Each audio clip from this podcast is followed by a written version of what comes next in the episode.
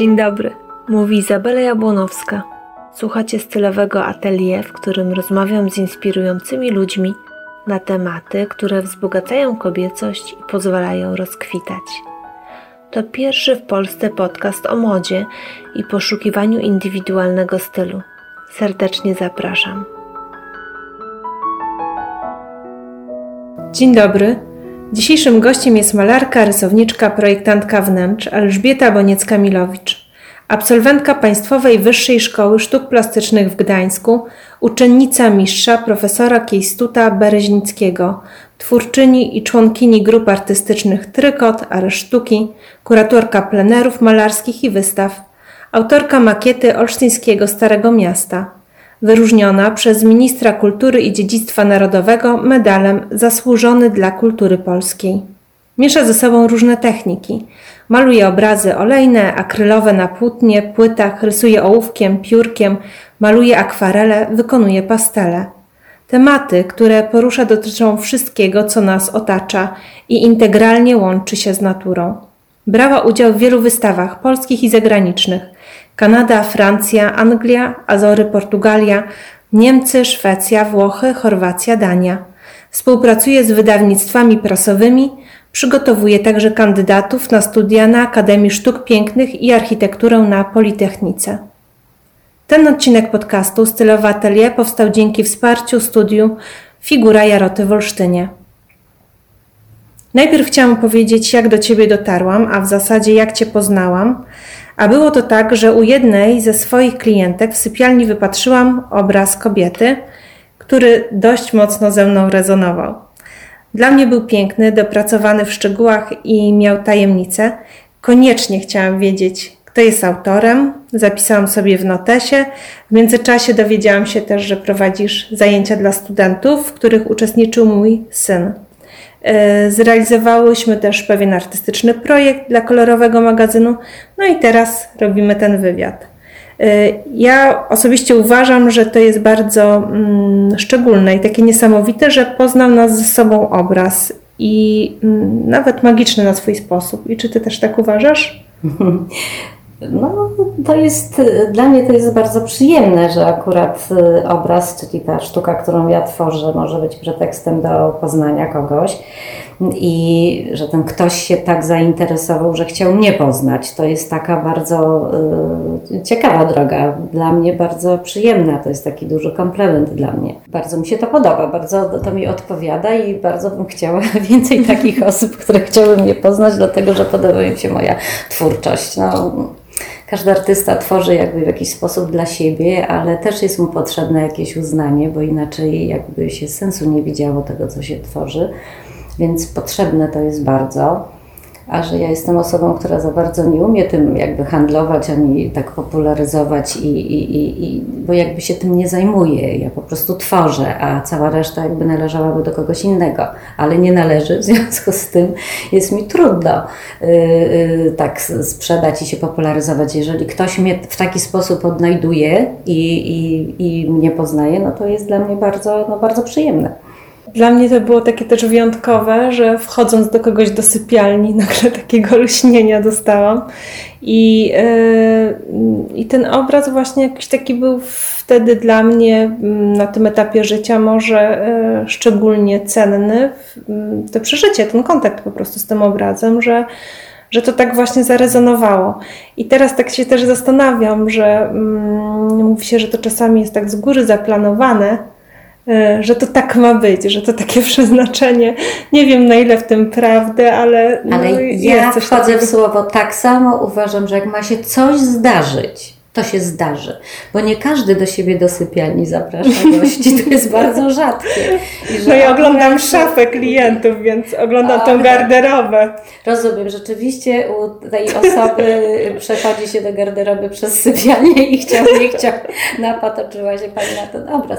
Ale to jest bardzo, y, bardzo przyjemne i mówię, jak się ma zdarzyć, to się zdarza i się tak zdarzyło, czyli tak miało być, taka kolej rzeczy. Zacytuję Twoje credo. Czerń i biel, walory szarości, kolor, uważna kreska, miękko, chwilami drapieżnie, różnie.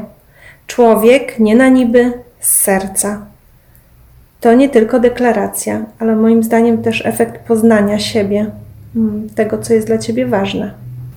Tak, to tak, to jest taki wiersz, to motto, które napisałam będąc na Sycylii. Bardzo wypoczęłam, miałam czas, był to wieczór, zaczęłam coś pisać.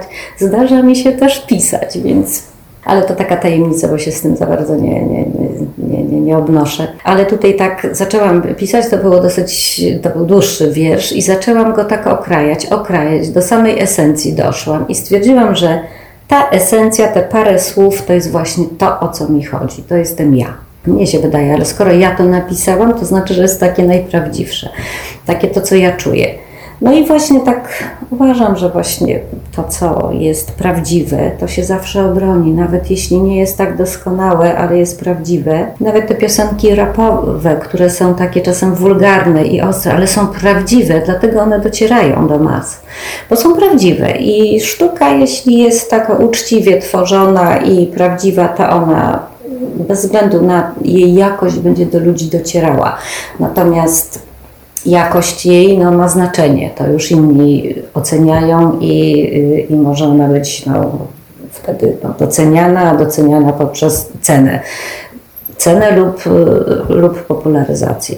Jeszcze tak y, przychodzi mi do głowy, mm, wcześniej tego nie planowałam w pytaniach, ale mm, to słowo różnie tak bardzo przypomina mi y, ikonę mody, którą ja bardzo lubię i obserwuję, Iris Apfel bo ona, zresztą w filmie, który o niej powstał, Iris mówi takie słowa, e, że te różnice są ciekawe, e, różnice w modzie, a jeżeli wszystko wygląda tak samo, to jest nudne. Czy to też odniesiesz do sztuki? No to różnie, y, y, tak, to, to ja bym się z nią zgodziła, że y, ja zresztą w ogóle w sztuce troszeczkę jakiegoś zadziora pazura zawsze tam muszę zastosować, bo mi się wydaje, że takie wszystko ładne, piękne typu Barbie, która jest jakby taka klasyczna, ale to jest nudne, no takie żadne nie ma tego czegoś. Musi mieć to coś, tą głębię, to, to, ten pazurek jakiś taki, jakiś zadzior, tak? Ja bardzo lubię na przykład stylizowane wnętrza, ale lubię czasami czymś przełamać nowoczesnym, albo odwrotnie, nowoczesne wnętrze, ale wstawić coś stylizowanego, starego.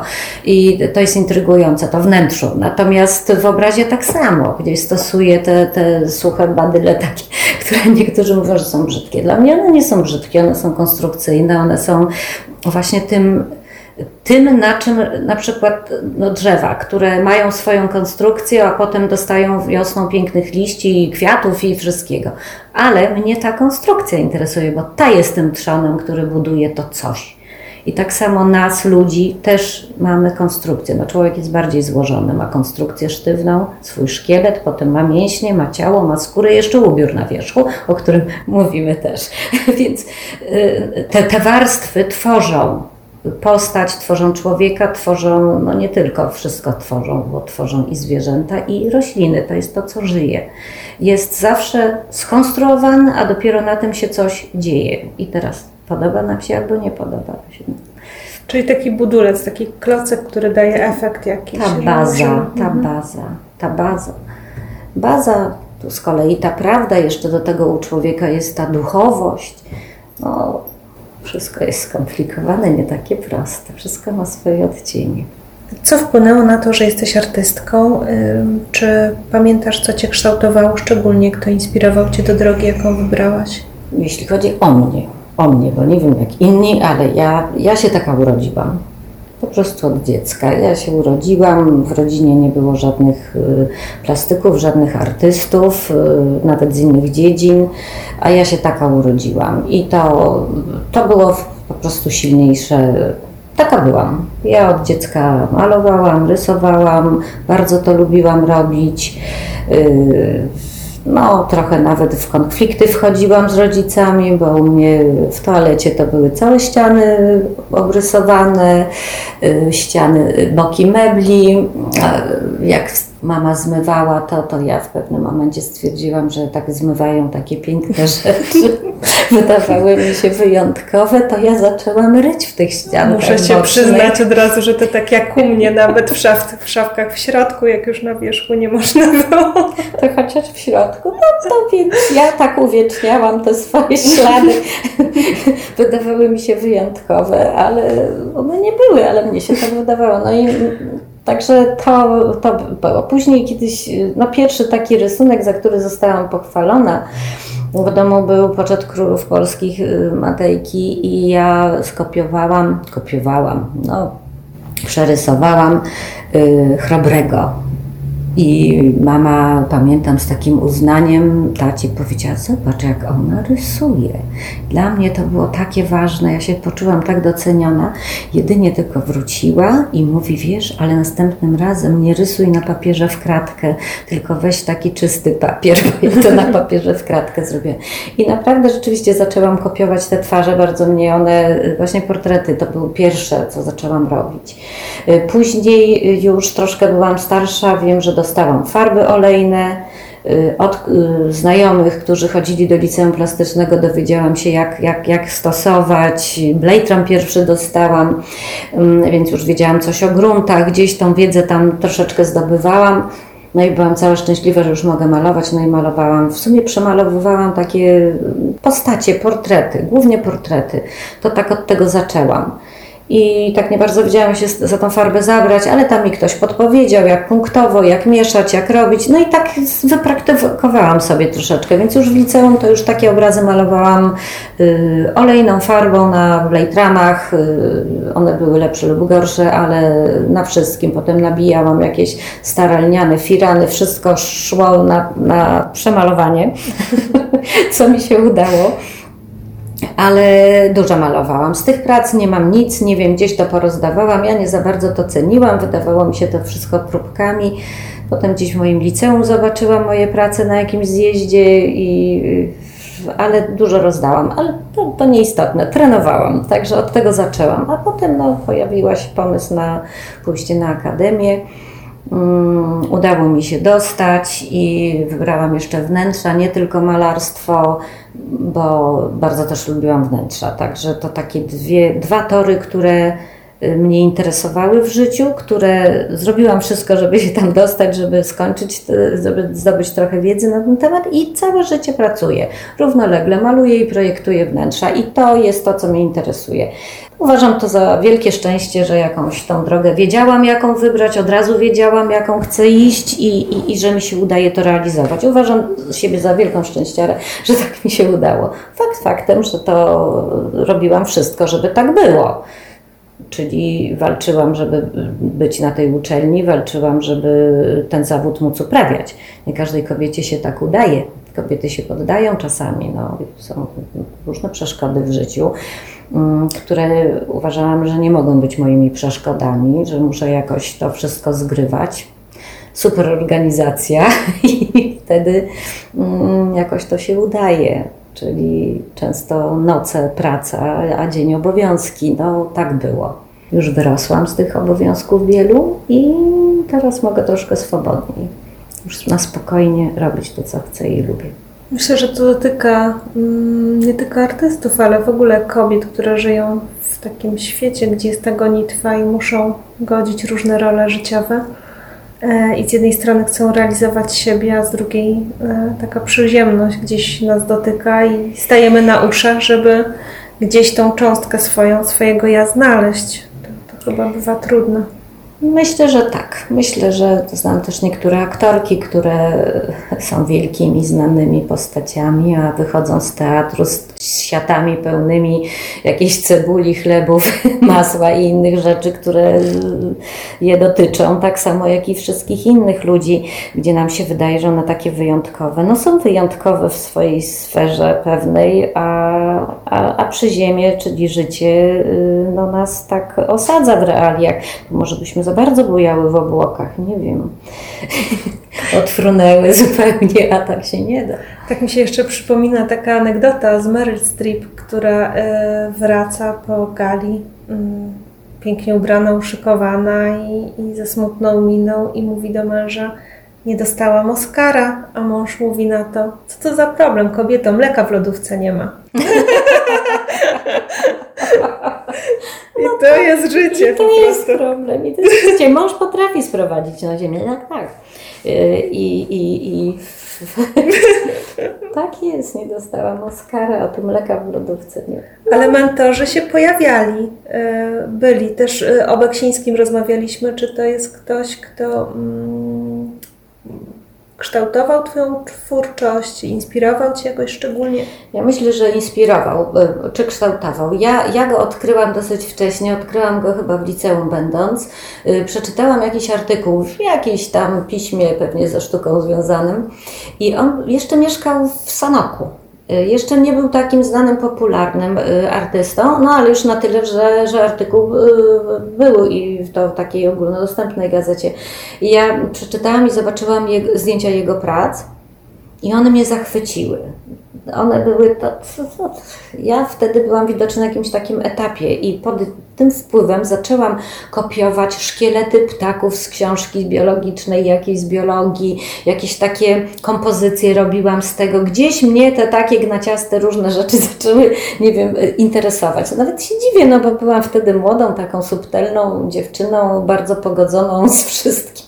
A to, co ja wtedy zaczęłam y, rysować, bo to były rysunki piórkiem robione, to były no, straszne rzeczy. Jakby mnie psycholog wziął w obroty, to by pomyślał nie wiem co o mnie, bo to był szkielet z jakąś kulą uwiązaną, jakieś podarte szaty na nim, no po prostu jedna makabra.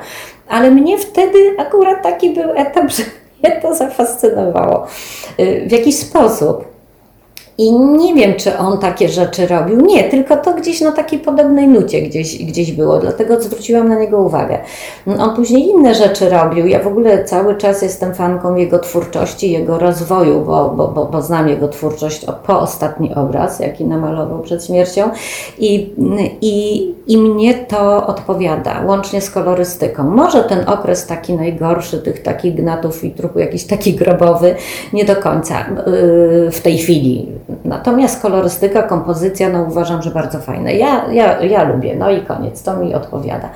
I był taki moment, że podobnie gdzieś zaczęłam malować i kojarzy się to ludziom. No dzisiaj była pani, która też to rozszyfrowała błyskawicznie, gdzie one są kompletnie inne te obrazy, ale gdzieś kolorystyka, gdzieś jakaś forma, gdzieś, gdzieś to jest, tutaj też jest mój obrazek, który też gdzieś ma te kolory, które można znaleźć u Beksińskiego i stąd się to kojarzy. Yy, pomimo, że żaden nie jest obraz, gdzie ja go naśladuję, tak dosłownie, ale to gdzieś jest to coś w tym, tam w tej głębi, w tej duszy tamtego obrazu właśnie siedzi.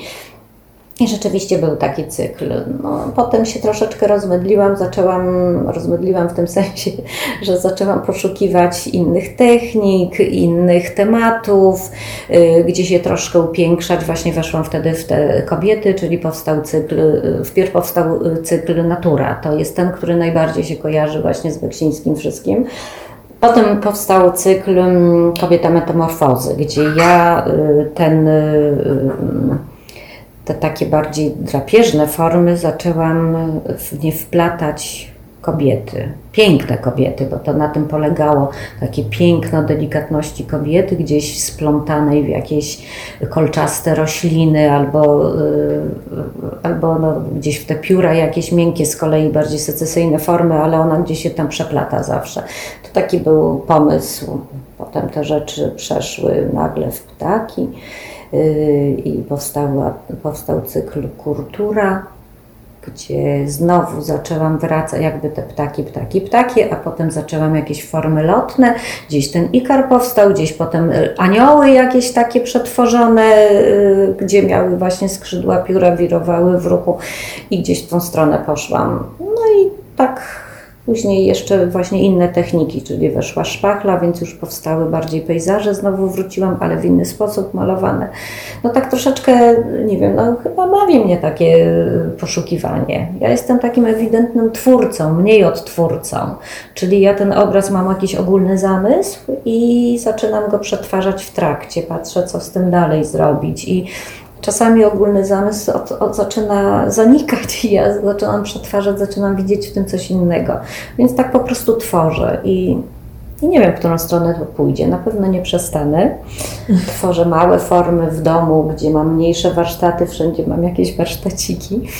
Yy, Teraz na przykład wpadłam na pomysł nowy, zaczęłam troszeczkę robić y, grafiki, linoryty żeby móc powielać więcej razy to, co ja tak żmudnie wyrzeźbię, więc, więc takie rzeczy robię. No więc tak ewaluuję, nie wiem na czym to stanie, na czym to, na czym ja stanę, co mnie najbardziej zafascynuje.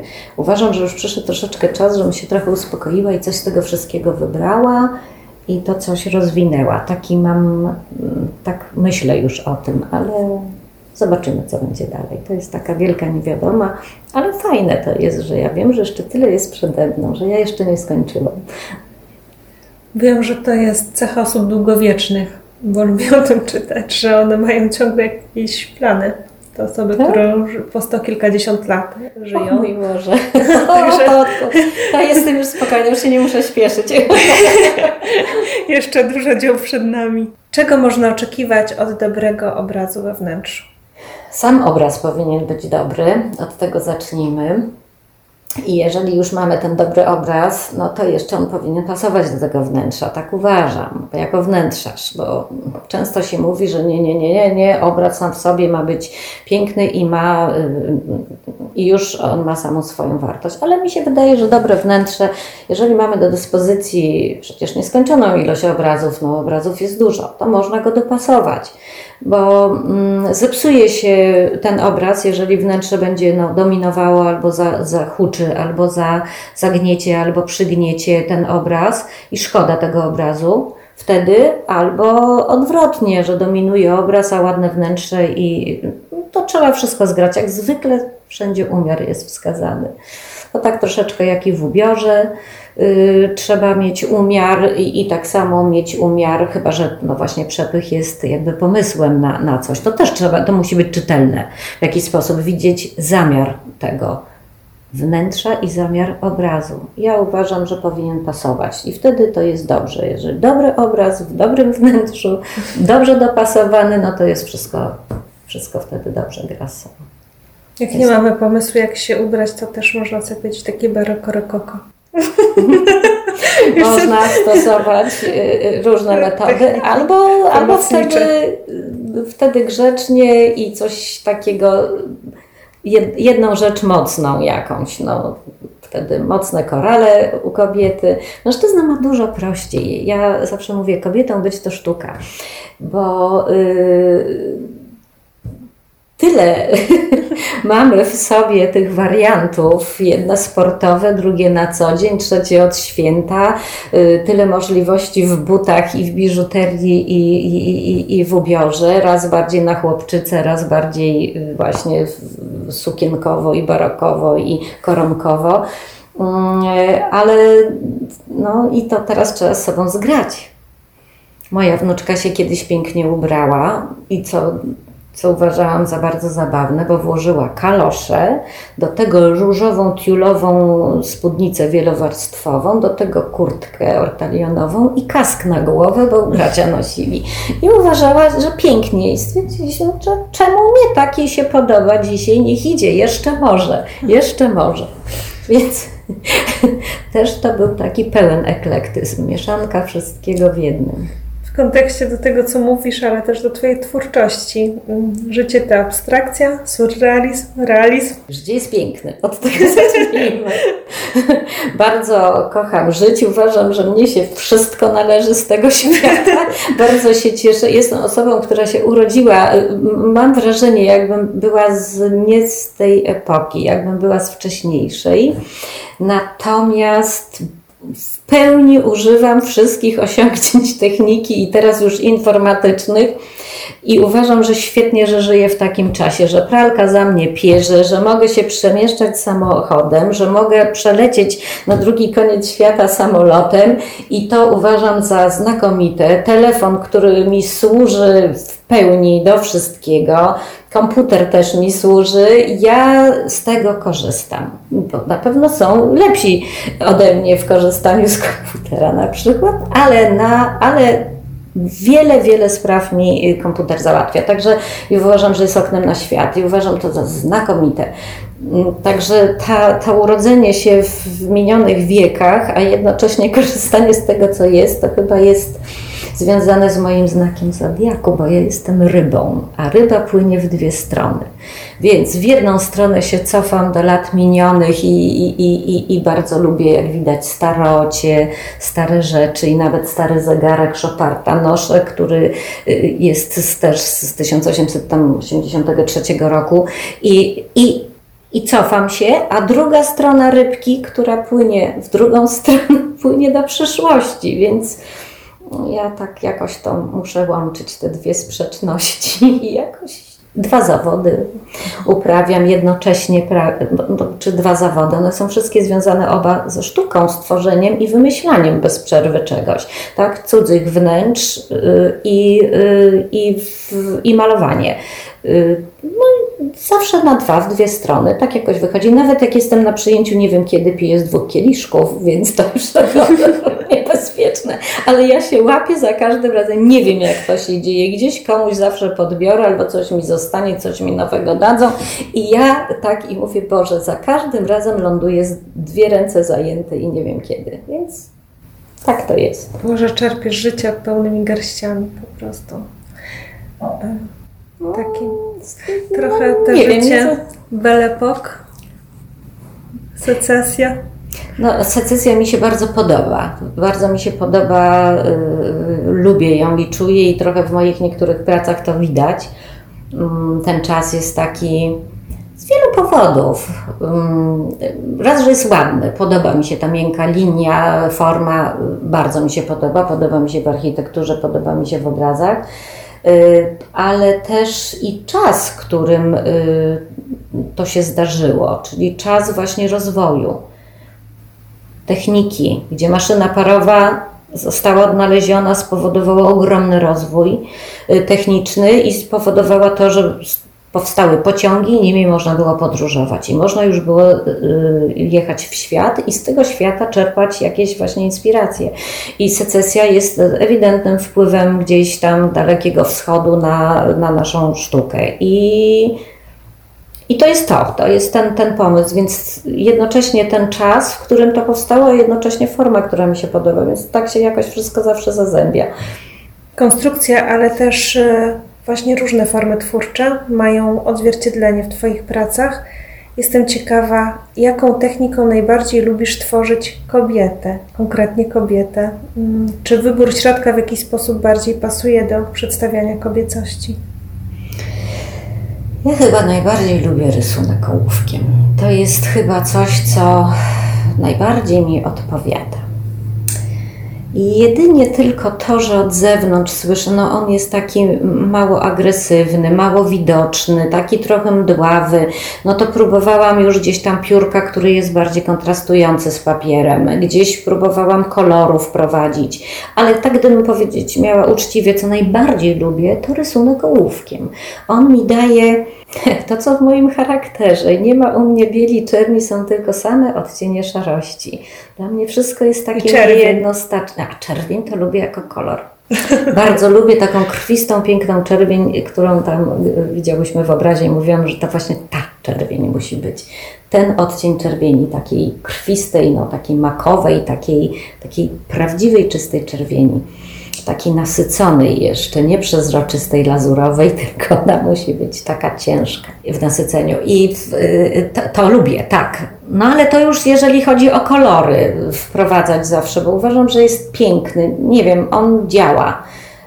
Na mnie działa na, najbardziej. Chyba na każdego pobudzający jest. Od tutaj mamy też piękną czerwień kwiat, który nam się podoba. Gwiazda betlejemska ma taką piękną czerwień. Teraz w słońcu tak ładnie wygląda akurat. Taka aksamitna jest, też się zapatrzyłam. I no to jako kolor, ale, ale technika, którą y, lubię, to, to jest rysunek. I chyba to tak zawsze było, że y, rysunek, który który ma coś takiego w sobie, że można nakładać na papier, ale też można odejmować poprzez gumkę w pewnym momencie. I to daje taką no, wielowarstwowość czasami i można wykorzystywać ten rysunek, można zgłębiać i zgłębiać. No lubię, lubię rysować, dlatego tutaj zaznaczone jest, że jestem rysowniczką, bo rzeczywiście rysuję dużo i właśnie te rysunki które fotografowałaś z koleżanką, to są właśnie wykonane ołówkiem. No i, no ale też nie tylko, bo i malowałam, no ja właściwie ile, no dużo technik stosuję. Farbę olejną, bardzo lubię farbę olejną. No ma jedną wadę, że długo schnie, chociaż już są sposoby na to, żeby było szybciej. Y, dlatego też przeszłam w pewnym momencie z wielkimi oporami na farbę akrylową i, i maluję też akrylem, ale zaczęłam też szpachle stosować w farbie akrylowej. No ale też łączyć zaczęłam teraz ostatnio, czyli wpierw akrylowo, a potem nakładać olej, który no, ma dla mnie taką mazistość i, i, i taką głębię. I no ale to są różne etapy, różne momenty, w których maluję. Na przykład na plenerach muszę szybciej malować, bo potem wożenie mokrych obrazów jeden jeszcze się udaje, ale kilka to już nie można złożyć z sobą. Chociaż też już odkrywam pewne patenty, jak to zrobić, żeby mokre obrazy wieść. Y, I Także to y, no, takie są różne sposoby na wszystko i człowiek, y, w sumie artysta musi eksperymentować bez przerwy. Ja mam swoje własne tam jakieś patenty na różne efekty. Każdy z nas chyba jakieś ma. Rzeczy, które się sprawdzają. Też malujemy raz bardziej, żeby sprzedać, raz bardziej dla siebie.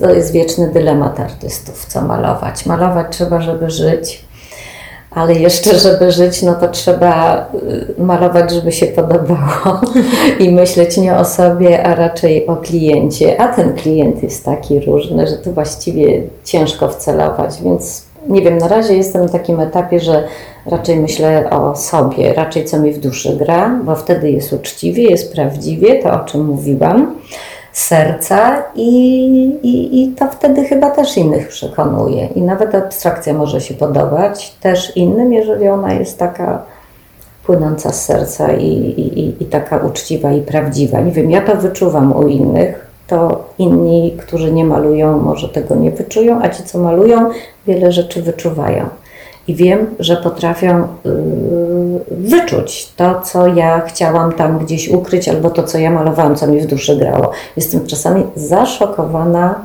że wyczuwają. Ja bym powiedziała, że odnosząc się też do tego, co Ty wcześniej e, e, zdradziłaś, mm, że jest w tobie jakaś właśnie taka dwoistość, jakiś taki kontrast, może ten rybi kontrast, z tego względu, że masz tak e, miły głos, wydajesz się taką subtelną duszą, a jednak w tej twojej twórczości potrafi być taki dramatyzm, ostra kreska, jakaś taka e, niespokojność. No i tak właśnie jest na co zrzucić, czyli to jest na kryży, że rzeczywiście i potrafię być potwornie uparta, dzięki temu właśnie robię to, co robię, dzięki temu uporowi, y, bo y, tak, ja sobie zdaję sprawę z mojego charakteru dosyć miękkiego, charakteru takiego, gdzie wyczuwam ludzi, odczuwam ich, jestem empatyczna y, i łatwo jest mnie jakby no tak y, urazić i, i, i ja muszę się jakoś bronić i tym uporem, że wiem czego chcę, do czego dążę, o co mi chodzi. Y, no, staram się y, i chyba dzięki temu trwam właśnie, dzięki tej dwoistości. Myślę, że ten upór i ta wiedza konkretna, że wiem, czego chcę, bo ja wiem, że niektórzy ludzie nie wiedzą i właśnie się wahają, mają na przykład dużo talentów, zdolności i kompletnie nie potrafią wybrać. Może za dużo. Nie, nie wierzą w siebie czasami. No tu jest właśnie, ja nie miałam wątpliwości. Mogę mówić bardziej o, o, sobie, bo, bo wiem, że gro osób zrezygnowało. Wiem, że też są artyści, którzy chcą być artystami i są to ludzie zdolni, którzy pokonują, dostają się na akademię, kończą, a potem bardzo łatwo odchodzą od tego. Wcale się okazuje, że oni tego nie muszą robić. że bardziej wolą zarabiać pieniądze zupełnie w innej dziedzinie. Y, Ja, pomimo że mi się różnie powodziło, to nigdy nie zrezygnowałam, bo wiedziałam, że jak chcę, jeżeli mam zarabiać, to na dziedzinie, która mnie interesuje.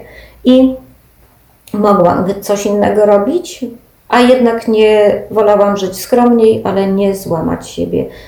Jakoś wydawało mi się, że sama siebie zdradzam w ten sposób. Nie wiem, coś takiego to było, takie odczucie. I jakoś okazywało się, że mogłam w sytuacji bardzo takiej kryzysowej zająć się jakąś biżuterią, czymś takim, co, co, co, co było bliższe temu.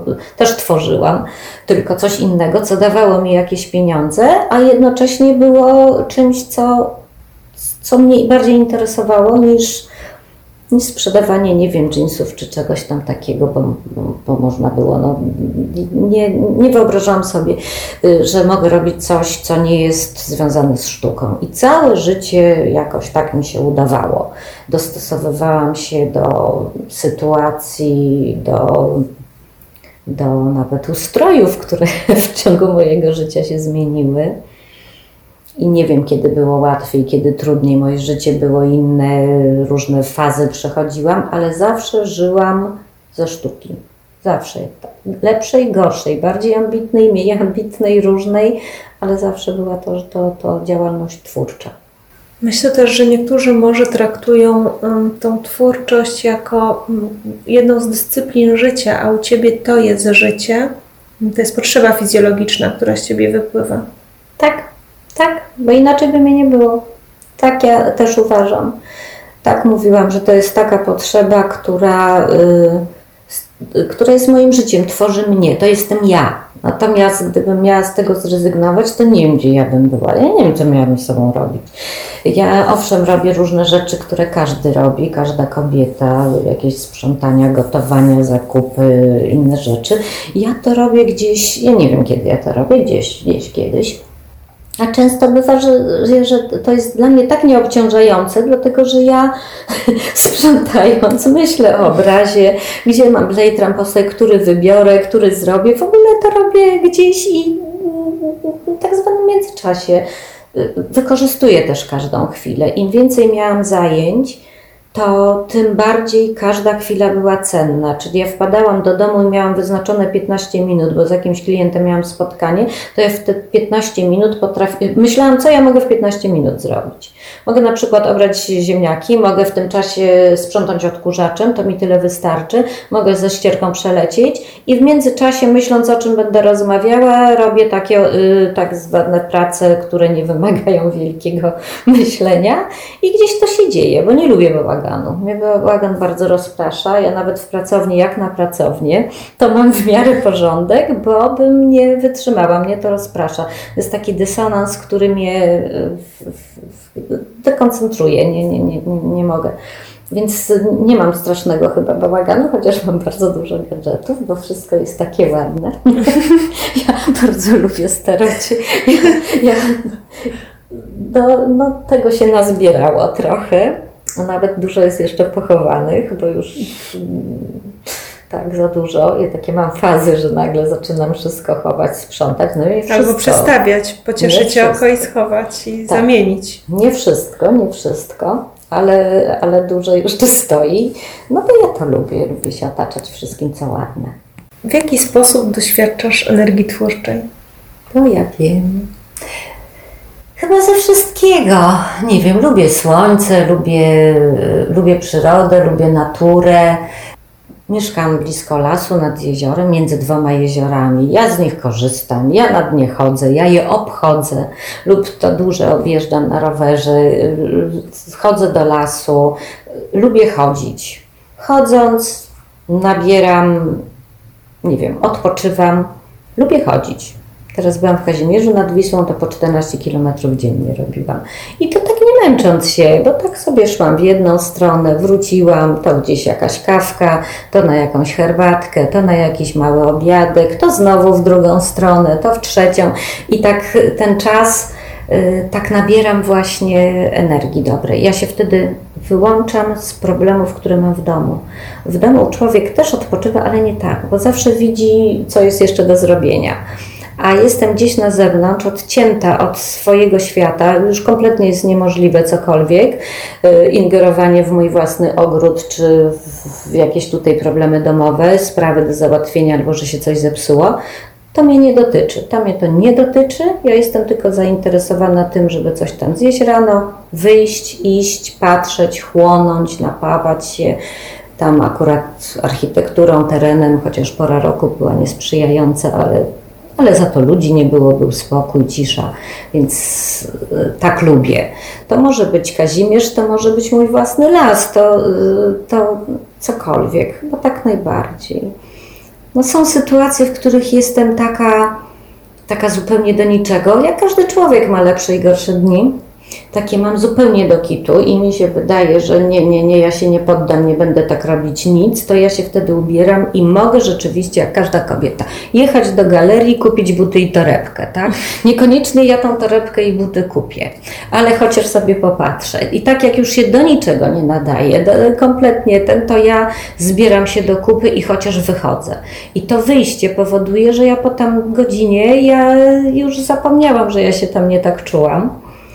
I jestem wtedy wśród ludzi i mogę tak sobie, tak jak to ja mówię, dość płasko, ale wychodzę na prostą i to mnie tak nasyca. I wtedy sobie popatrzę, wiem co w sklepach wtedy jest dzięki temu, bo ja generalnie nie zanadto się interesuję modą, to generalnie nic specjalnie nie potrzebuję, bo tam w tej szafie już jest co potrzeba, zawsze coś znajdę. Ale ale wtedy wiem, co jest jakby na czasie, jakby tak ogarniam życie, to co jest teraz, tak? Wiem, co się dzieje, co jest aktualne, żeby tak nazbierać. Mnie się też zdarza jeździć do sklepów z kaflami, z ceramiką, bo robię wnętrza i bardzo lubię, bo ona jest taka piękna, teraz coraz piękniejsza. Co jakiś czas te nowości europejskie przyjeżdżają, są w naszych sklepach i mnie to też zachwyca, też bardzo lubię, ale czasami myślę sobie, Boże, Boże kobieto, bądź bardziej kobietą i pojedź właśnie i pooglądaj te rozciuchy i buty, bo, bo to by tak dobrze było wiedzieć, co jest w sklepach. Może coś mnie zachwyci, jak mnie zachwyci, to sobie kupię. No, o, tak to wygląda. Ja to bym jeszcze tak powiedziała, bo do mody w ogóle wrócimy za chwilkę, e, bo hmm. muszę o tym porozmawiać i zapytać. E, w końcu tworzymy podcast stylowy atelier, więc o stylu też będzie.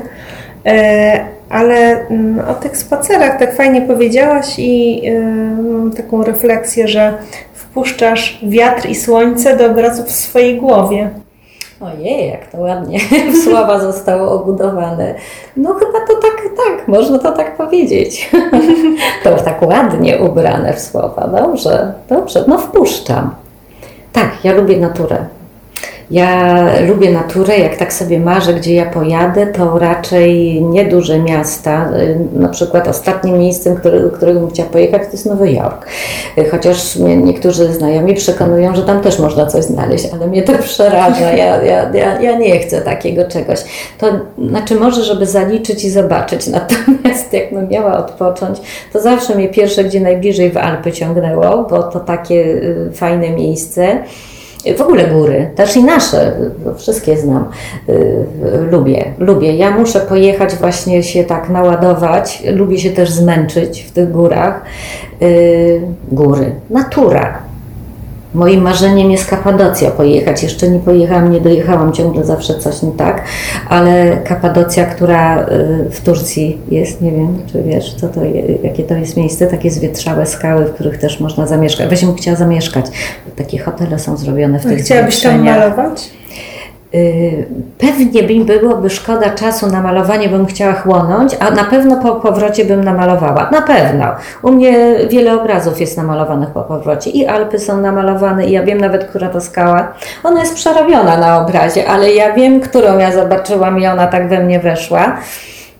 To była we Włoszech nad jeziorem Garda ostatnia skała, która gdzieś tam mm, ruch tektoniczny, który spowodował ten rów, w którym się znalazło to jezioro i jest taka wywalona jedna skała, która na mnie zrobiła ogromne wrażenie i ja ją namalowałam potem, po czasie.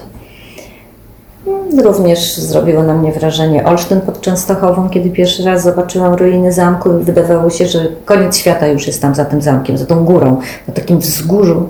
I takie światło było dziwne, takie fajne za, za, za tymi ruinami. I ja to namalowałam. Jest ten obraz, tam wisi w bibliotece.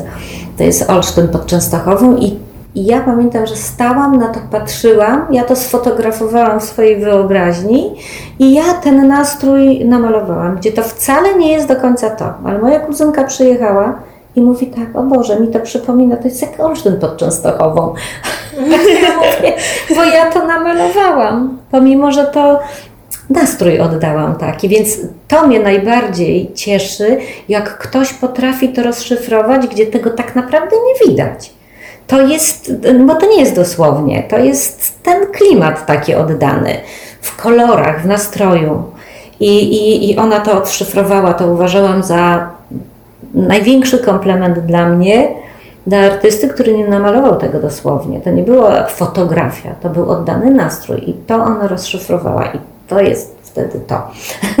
dla mnie taki największy, no to takie no, najbardziej przyjemne, że jakby jest to oddane prawidłowo, że to zrobiłam, że to ktoś czyta. Także to, to yy, na pewno maluję, więc taka pozycja na pewno by była. To jest jeszcze, to mnie czeka, to jest tak na przyszłość. Ja tego nie mogę skazić byle jakością, więc muszę w odpowiednim czasie odpowiednio pojechać. I wcale to nie jest daleko. Tylko, że tam nie ma do końca samolotów, trzeba potem tam jakoś dojechać no, w różny sposób. No, ja już to mam opracowane w, w kilku wariantach, ale musi być moment, żebym ja tam pojechała. No a inne marzenia mi się już spełniły. One były nie takie dalekie nie takie trudne do zdobycia, bo, ale w czasach, kiedy ja się o tych miejscach dowiadywałam, no to wtedy Polska była w czasach komuny, nie było to takie możliwe, było to trudne. Samo w ogóle zdobycie paszportu już było problemem, więc, więc no ale później to sobie zrealizowałam. To była na pewno Grecja i chciałam się tam znaleźć i Akropol. Nic takiego odkrywczego, ale wtedy tak chciałam. Byłam na tym Akropolu w potwornym upale. Trochę mi to zepsuło ten pobyt, ale no, było wtedy sięgało 47 stopni. To było po prostu makabra. A ja zwiedzałam, bo, bo musiałam, bo był ten czas, który miałam ograniczony i w te upały tak, ale też znalazłam na to sposób i jakoś to było. Później Wenecja była. To też było moje marzenie. W tej Wenecji byłam kilka razy.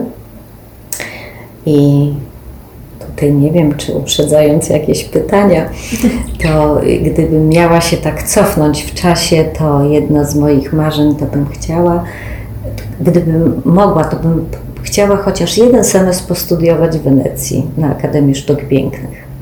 Kiedyś sobie siedziałam na jednym z mostów, odpoczywałam, patrzyłam i zobaczyłam młodą dziewczynę idącą z taką wielką teczką i zobaczyłam, że wychodzi z Akademii Sztuk Pięknych. I tak sobie pomyślałam, Boże kochany, jakbym mogła czas cofnąć, to ja bym tam się chciała w środku znaleźć i postudiować tam chwilę, posłuchać tych ludzi, którzy, no, według mnie Włosi to taką największą, najpiękniejszą sztukę tworzyli, ponieważ nawet Grecy, którzy tworzyli no, taką sztukę, która moim zdaniem jest najpiękniejsza, ale korzystali z mistrzów włoskich. Oni ich przywozili do Grecji i oni rzeźbili te najpiękniejsze rzeźby helenistyczne, które, które właściwie mając teraz lasery i inne możliwości, nikt takich rzeczy nie potrafi zrobić. Nie robi. Oni po prostu po prostu najwyższy kunszt y, pokazali nam, więc, więc ta sztuka włoska i nadal teraz design włoski jest najlepszy. Y, nawet Japończycy samochody, swoje y, formy samochodów u projektantów włoskich zamawiają, więc cały czas ten design tam u nich jest taki chyba najlepszy cały czas na świecie. I, i, i mamy, i, i, i tu nawiązując do mody, do obuwia, do toreb, do, do tych drobnych rzeczy, które nosimy i też chcemy, żeby były ładne. Po meble, ceramikę, po wszystko, rzeźby, no, no wszystko, architekturę. Także, także tak y, ich bardzo cenię. Także ta, ta Wenecja to właśnie też gdzieś tak się to wiąże. Wtedy inst tak instynktownie, ale jak się zastanawiam, to właśnie to wszystko, ten design i rzeźba, to wszystko jest y, takie wspaniałe i ładne, podoba mi się. A jak już obraz powstanie, to czy on trafia mm, do każdej osoby, czy wybierasz klientów, którym sprzedasz dzieło? No więc tak, no, z tym handlowaniem dziełami sztuki to jest trochę problem, to jest problematyczne. Y, Więc tak, niektóre obrazy trafiają do galerii, więc odbiorca jest anonimowy, a niektórzy kupują u mnie. I tu jest już yy, no różnie. Y, Zdarza mi się, to jest sporadyczne, ale zdarza mi się, że nie chcę komuś sprzedać obrazu. Y, To mi się no, zdarzyło parę razy z jakichś tam powodów, ale ja nie chcę, żeby moje prace u każdego wisiały. Są osoby, które uważam, że ja nie wiem, to jest takie troszeczkę, może bym kogoś mogła obrazić, ale nie chcę, żeby u niego te prace były. Uważam, że, że, że, że one tam nie pasują do tej osoby, że one są tej osobie w ogóle niepotrzebne. Coś takiego. Ja, ja nie umiem tego tak dokładnie sprecyzować, ale wyczuwam, że nie. Y, To jest rzadko, no właściwie nie powinnam tego podkreślać, ale zdarzyło mi się tak, że nie chciałam, żeby u danej osoby były moje prace i koniec. Y, Nie wiem, nie dlatego, że nie lubiłam czy coś, tylko uważałam, że one są jej zbędne, że kupuje nie wiadomo, czy kupuje, czy y, bywa też, że ja obrazy daję, dlatego że są to plenery jakieś, za które się pracę zostawia, y, różne są sytuacje. Ale nie chciałam, żeby u tych osób były, bo uważałam, że no, no nie, nie, nie, nie. Ma po to, żeby tylko mieć, i, i, i, a dla mnie obraz jest czymś trochę osobistym, jest y, fragmentem mnie y, i ma taki, jakąś taką inną wartość dla mnie. I, I czasami z kimś się sobą nie chcę dzielić. No, zdarzało się. Zdarzyło się tak parę razy. No.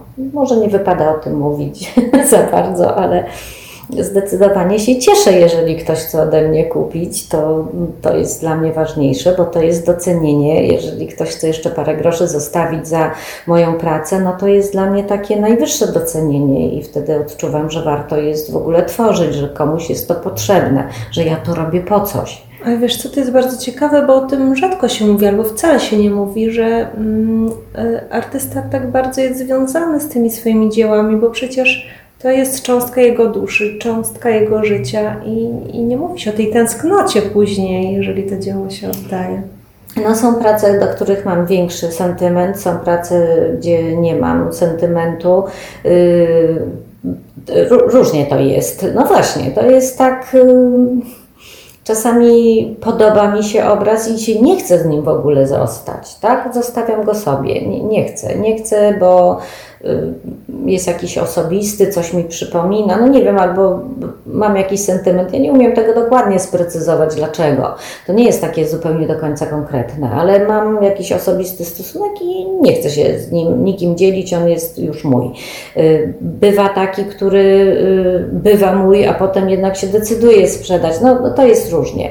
I też jeszcze zależy komu. No, jednym chętniej, drugim mniej. No też to się wiąże z tym, że kogoś lubię, mniej lubię.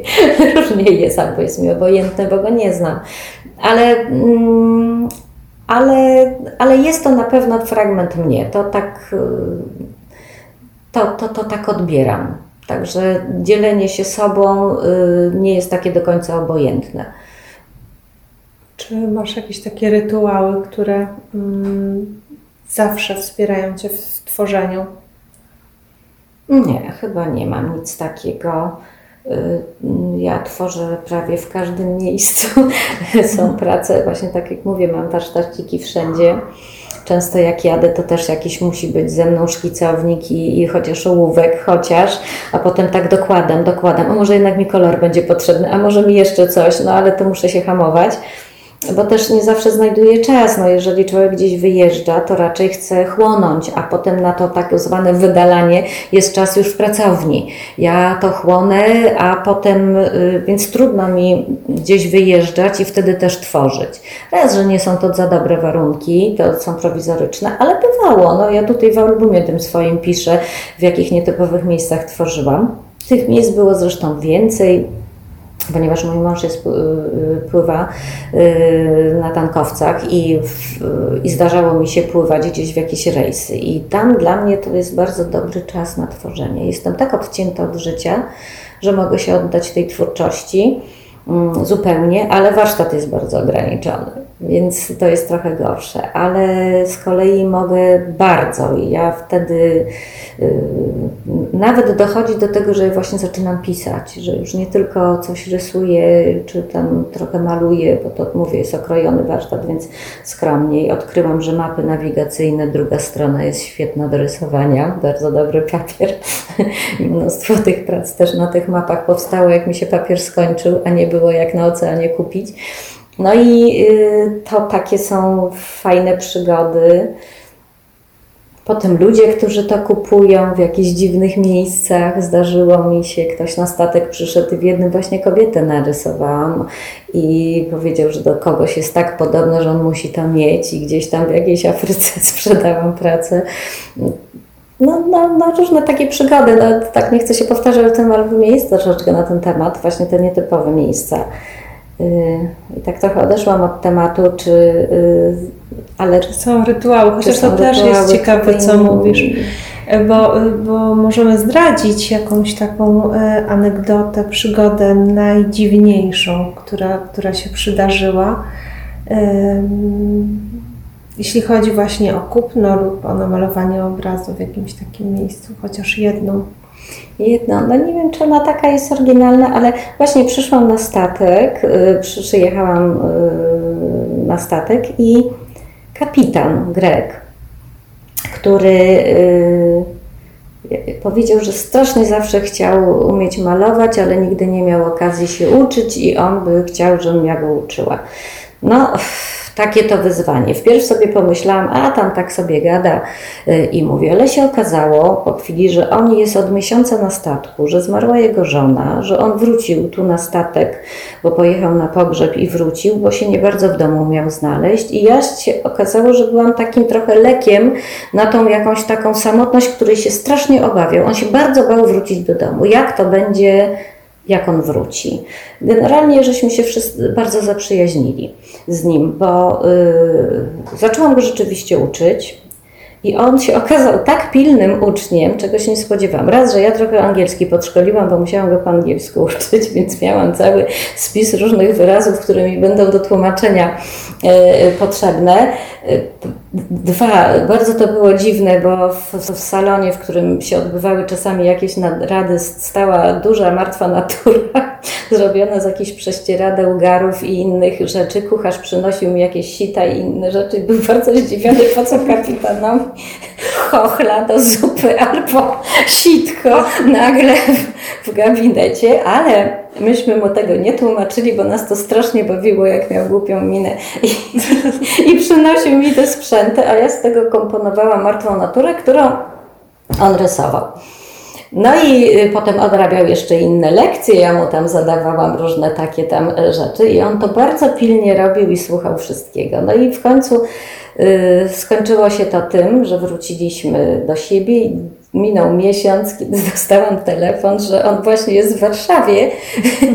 No i co w związku z tym? No w związku z tym został zaproszony i przyjechał tutaj. I przyjechał ze swoim obrazem, który namalował, żeby mi pokazać, żeby mu jeszcze korekty udzieliła. Mało. Potem nas zaprosił do siebie. No i byłam y, u niego w, tej, w, w, w Grecji, koło takiej miejscowości Lutraka gdzie było widać z balkonu Korynt nad Zatoką Koryncką.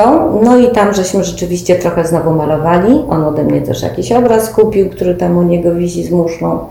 Mm, I, w, I on y, też malował, rysował i się okazało, że rzeczywiście zahaczył. I dla mnie to było zaskoczenie, bo ja myślałam, że to takie tylko z, tak, tak, tak, tak na tym statku coś tam chciał robić, a tymczasem się okazało, że on to sobie znalazł sposób na życie w tej swojej samotności, której zresztą tak długo nie było tej samotności, się później ożenił, ale, ale to była fajna przygoda i dla mnie wyzwanie, i, i, i dla niego, i bardzo miło to wspominam, bo miałam efekt. To był bardzo pilny uczeń, bardzo taki skrupulatnie wykonujący moje wszystkie tam zalecenia. I to było bardzo fajną przygodą. Ja miałam zajęcie, on miał zajęcie, a za, zaowocowało to dużą przyjaźnią przez wiele lat. Niestety nie żyje już. Zobacz, że to tak się e, w życiu układa, e, że mm, ty w zasadzie byłaś dla niego, no może czymś więcej, ale trochę taką osobą ważną, jeśli chodzi o wyznaczenie jakichś takich znaków drogowych, tak jak dla ciebie to osoba, o której rozmawialiśmy za kulisami, która podpowiedziała ci, jaką drogę powinnaś wybrać w życiu. Że spotykamy takie osoby i nawet tego najpierw nie widzimy, czasami nie doceniamy, a potem te słowa tak utkwią w głowie Tak, i puszczają nas w lewo, w prawo, do przodu, do tyłu. Tak, mnie się zdarzyło być taką osobą, gdzie ja sobie nie zdawałam sprawy, tak, że miałam wpływ na jakieś osoby, to między innymi moi uczniowie, niektórzy, niektórzy. Y, Gdzieś jakieś moje słowa gdzieś do nich docierały, gdzie potem mi mówili o tym. Nawet dwie dziewczyny maturę o mnie pisały. mnie zaskoczyło jako osobie, która miała taki wpływ. No byłam tym bardzo miło, bardzo miło zaskoczona. Y, y, w- Gdzieś, y, gdzieś jakaś pomoc pewnej osobie z racji mojego zawodu mogłam komuś pomóc, jakąś pracę załatwić i potem się okazało, że ich życie się tam zmieniło.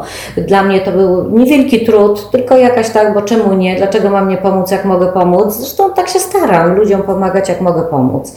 Yy, Jeśli to są znajomi i, i gdzieś widzę, że z wnętrzami mają duży problem, nie mogą się z, no to jest tego natłok, ktoś nie ma wprawy, no to czemu nie? Mogę pomóc. I pomagam zupełnie bezinteresownie, dlatego że mogę, że wiem, że widzę, że, że i dla mnie to jest niewielka fatyga, a oni się borykają z dużym problemem. I, I mi się to zdarza. Tylko, że dla niektórych jest to naprawdę jakiś zakręt im y, wyrównuje, jakiś, na jakimś wirażu życia są. Y, No to są nieliczne, bo to, to jest taki. Dla mnie to jest nieduża fatyga i się okazuje, że dla tego kogoś jest coś ważnego. Dla mnie też się tak, mnie się tak zdarzyło, że ktoś mi powiedział parę słów w takim momencie, który był dla mnie bardzo istotny i ja z tego skorzystałam i całe życie to pamiętam. No i to jest bardzo cenne. Dobrze, jeżeli ktoś właśnie powie szczerze i uczciwie. Tak jak myśmy tu zakulisowo rozmawiały, pewna pani mi coś podpowiedziała, co nie znała mnie nic, ale się chwilę zastanowiła i powiedziała mi szczerze. I to było bardzo ważne i cenne. I tak samo ja się staram, no, żeby to było. y, Generalnie zawsze uważam, że szczerze powiedzieć komuś, nawet jeśli to jest prawda, która może zranić, ale tak to powiedzieć, żeby nie zraniła, ale powiedzieć uczciwie i prawdziwie. Nie zbyć na zasadzie, żeby było dobrze, żeby, żeby tylko było miło i sympatycznie, żeby usłyszał ktoś, kto chce coś usłyszeć. Nie, tylko powiedzieć, jak jeżeli mnie pyta i prosi o radę, to ja się staram ją rzetelnie, y, jeżeli chcę poradzić, to rzetelnie, tak, żebym ja wiedziała, że rzeczywiście tak uważam. No tak mi się wydaje, że generalnie to wszystko na jakiejś takiej prawdzie, uczciwości polega. No, generalnie życie, że trzeba żyć, nie udawać, bo to udawanie umęczy każdego, i partnera, i siebie. Że trzeba żyć, żyć prawdziwie, no to jest chyba najważniejsze. Gro kobiet, właśnie to, co bym mogła radzić kobietom, to żeby się nie dać podporządkować, bo potem się trudno podnieść z tego podporządkowania, ulec wpływom, że jednak każdy jest sobą. Nie można żyć cudzym życiem, tylko żyć swoim życiem. Trzeba coś znaleźć w sobie. Najgorzej, jak są puści ludzie, którzy nic w sobie nie mają. No, mówię Barbie. No dobra, to jeszcze się może właśnie stroić, ale czy to jest życie? No to stroić. Ja nie mówię negatywnie o tym, tylko jakby tylko tym żyć, tak? Chociaż to też może być pasja, to też może być twórcze, zależy jak się to traktuje, tak? Zależy jak się to traktuje. Żeby się nie nastrzykiwać, nie przylepiać, nie zalepiać, robić coś sztucznego wokół siebie, tylko tą swoją prawdę, swoją urodę podkreślać, własną urodę, wnętrze, wszystko, bo to wszystko się składa. No. Jeżeli kobieta jest zadowolona, uśmiechnięta i nawet nie jest zbyt ładna i też nie umie o siebie za bardzo zadbać, to będzie też przyciągać. Ma to coś w sobie. Tak, ale jeżeli będzie najpiękniejsza, już będzie miała wszystko jak należy i, i odpowiednie marki na sobie, a będzie nieszczęśliwa, to to nie będzie piękna, no. Prawda? Bo to piękno jest w nas. Ono musi być. Szczęście i piękno jest w nas. Bo Tak ja piękno to uważam. nie jest tylko styl i nie jest tylko wyglądanie, tylko mm, to, co jest w środku, czyli ta osobowość, No, to, tak- co w sercu tak jest, w głowie i Tak. ten środek. Tak. Po prostu. Tak, bo to, ja mówię, to, ja nie, to, to, to się ma albo nie ma, bo to nie jest tak do końca, że ja sobie powiem, o, będę szczęśliwa i już będę piękna i radosna, to będzie sztuczne, będę udawać, tak, bo jak mnie coś gniecie tam w środku i coś wszystko mi się tam nie zgadza, mam żal do całego świata, to ciężko w sobie znaleźć y, taką radość, to będzie widać. Naprawdę widać, no tak mam przecież wielu znajomych, ja mam dużo znajomych i mam koleżanki, które miały jakieś duże problemy. No, no te duże problemy są związane ze związkiem, który jest gdzieś nieudany.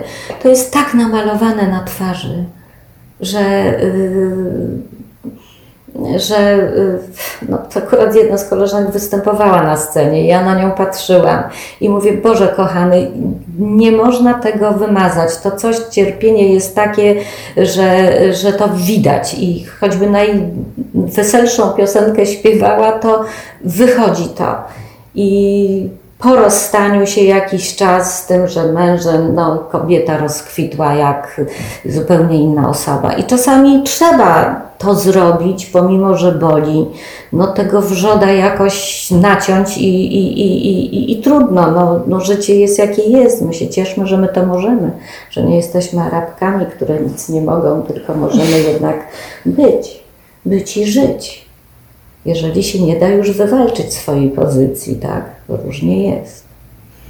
Różnie jest, no, różne są, mówię, co, co związek. Losu. Kobieta w związku, kobieta bez związku, ta sama kobieta by może być inną osobą, tak?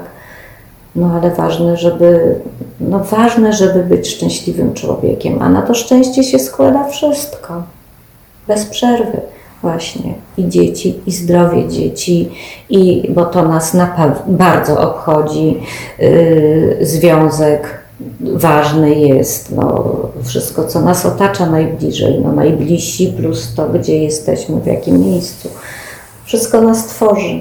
Taką mam myśl, że mamy ze sobą sporo wspólnego, nie tylko do y, um, umiłowania do wzornictwa secesji, e, czy mm, chcemy mieć projekty skończone, bo jeżeli nie są skończone, to w jakiś sposób nas drażnią, ale też mm, taką miłość do szczegółu i to, żeby ten szczegół był zadbany, żeby zwrócić na niego uwagę. I mam takie firmowe hasło, które, które w zasadzie ułożyli moi klienci i nazywa się Piękno w szczególe. I chciałam, żebyś opowiedziała, jak ten szczegół em, wygląda w Twojej pracy, w Twojej twórczości. Ja to, te szczegóły to widać w mojej twórczości. Rzeczywiście lubię dokończyć. Yy, tak, nawet są pewne obrazy, które są zostawione na później, ale ja wiem, że je muszę dokończyć. Najwyżej nie będą doskonałe, ale muszą być skończone. Yy, generalnie wszystko lubię skończyć. To jest taka jakaś cecha, która. Yy, nie chyba jest dobra. Że u mnie nie ma tak, że ja coś zacznę, a potem porzucę. A nie, już.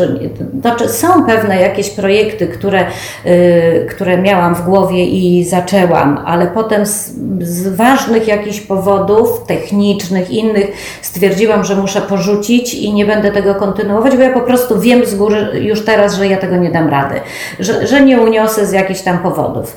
Y, I to już takie wynikające, gdzieś się do czegoś przymierzyłam, i, I jednak doszłam do jakiegoś takiego wniosku, że, że jednak to przerywam. Bardzo świadomie. Będzie to przemyślane przeze mnie zawsze. Ale raczej się nie zabieram za rzeczy niemożliwe. Tak? Uważam, że wpierw trzeba ym, pomyśleć, co jest możliwe y, dla mnie. Danej chwili, tak? Bo byłam kiedyś silniejsza, teraz już nie jestem aż tak yy, i, i, i to musi być takie realne. Zawsze realnie. Co jest? Nie bujać w obłokach, a potem z tego rezygnować i, i, i spuszczać z tonu, tylko to, co jest dla mnie realne, czyli w kwestii i finansowej, i, i możliwościach, i, i, i, i i, i to, to, to jest przemyślane w jakiś sposób. No to taka cecha charakteru. Yy, Natomiast y, moje prace są takie na ogół, że można je oglądać z bliska i widzieć właśnie te szczegóły i odejść i zobaczyć y, ogół. Czyli może inaczej, wpierw od ogółu po szczegół, czyli wpierw y, widzimy coś ogólnego, ale jeszcze jak się człowiek tam przyjrzy w detale, to tam jest jeszcze bardzo dużo do powiedzenia. I to takie jest chyba charakterystyczne u mnie, że z bliska i z daleka można oglądać. No to tak tak chyba w większości moich prac, w 90% tak jest. Lubię ten szczegół. Ja lubię popracować. Ja nie lubię byle jakości. Ja muszę czuć pracę i też tak lubię takie prace, chociaż czasami też maźnięcie potrafi być właśnie widać, że z, wynikające z jakiejś wprawy, z jakiejś, yy, że ten ktoś, kto tak maznął, to jest przemyślany, on wie jak maznąć, tak jak ja wiem jak maznąć szpaklą. To jest ten ruch, ale ja wiem ile tej farby nabrać, w którym miejscu jakiego koloru, bo ja piracy drzwi wiem jak one się zmarzą, jak one, jak gdzieś nacisnę, tutaj mocniej, tu lżej. Ja mniej więcej wiem jak to będzie, że to, to nie jest taki przypadek, ma wyglądać na przypadek, ale, ale to nie jest. Bo inaczej brud wyjdzie, to, to, to tak też nie może być. No, ale lubię szczegóły, zresztą widać w moich wielu, wielu pracach, zależy w których cyklach, ale te, które są ołówkiem czy gdzieś, no to tam jest ta warstw, wielowarstwowość. Jeśli chodzi o niedokończony projekt, to jeszcze mm, na przykład książki albo film, jeżeli nie są wartościowe, to nie musimy tego oglądać. Inaczej ma się, y, inaczej się, jeżeli coś tworzymy, to wtedy chce się to dopiąć, ale tak y, myślę, że to też przychodzi z wiekiem, że też szanujemy swój czas i możemy po prostu złą książkę odłożyć i chwycić za lepszą. I a propos tego, to jeszcze jest taka książka Umberto Eco, bardzo dobra, historia piękna, w której pisze o wyobrażeniach e, piękna nagromadzonych przez wieki. Czy jest e, taki sposób przedstawiania kobiecej sylwetki, który istniał w dowolnym czasie, ale jest Ci szczególnie bliski? Właściwie wydaje mi się, no mój Boże, kobieta jest właściwie ciągle taka sama i w przeszłości, i teraz. Ona jest tylko inaczej ubrana. Tak? Y, inne mody są, inne, y, inne wartości, ale ona jest ciągle tą kobietą. No, nie, nie wiem, w ogóle lubię, y, kobieta mi się wydaje piękna. Oczywiście pod warunkiem, że jest piękna. nie wszystkie są takie piękne. Może, może byłyby piękne, gdyby o siebie zadbały. O, może tak, może bardziej zaniedbane. No więc one były i, i są nadal. Lubię klasę w kobietach, bo to mi się podoba, ale to mi się wydaje, że to jest jest coś, co każdy zauważa i widzi, tak? Y, y, że kobieta potrafi się nosić z klasą. Ona nie musi być piękna, ale ma w sobie klasę, albo jej nie ma. Więc to się podoba. I to się podobało kiedyś i teraz. No właściwie to są takie wartości ponadczasowe. Bo tak raczej one, mówię, są inaczej ubrane, ale one nadal, nadal pewne, pewna. Yy, pewien gatunek piękna jest cały czas taki sam. Tam może pewne rzeczy się gdzieś momentami różniły, ale na ogół, nawet kiedy patrzymy na stare obrazy i jest piękna, to ona jest rzeczywiście nadal uważana za ładną, piękną. Więc jakby ten kanon piękna jest ciągle taki sam, podobny. No może troszeczkę były grubsze modne, teraz bardziej ta sylwetka sportowa, gdzie nigdy kobiety niczego nie ćwiczyły ale w XX wieku taka moda powstała na takie trochę chłopczyce, tak? Kciuki ćwiczymy teraz. No, teraz to kciuki, no ale kobiety też ćwiczą, żeby być tam jędrną, taką, siaką, owaką, no nie Dla wiem. zdrowia. Dla zdrowia, tak. Chociaż trochę, bo chociaż też uważam, że każda przesada, jak wszystko musi być z umiarem, to wtedy jest dobrze, bo przesada też nie jest dobra. Czy sposób, w jaki postrzegamy piękno, jest zarazem naszą bezpłatną psychoanalizą. Hmm. to jest tak, że mi się wydaje, że nie każdy postrzega pięk- piękno, nie każdy widzi piękno, nie każdy zwraca na to uwagę, bo się już tym zetknęłam, że na wiele rzeczy ludzie nie zwracają uwagi.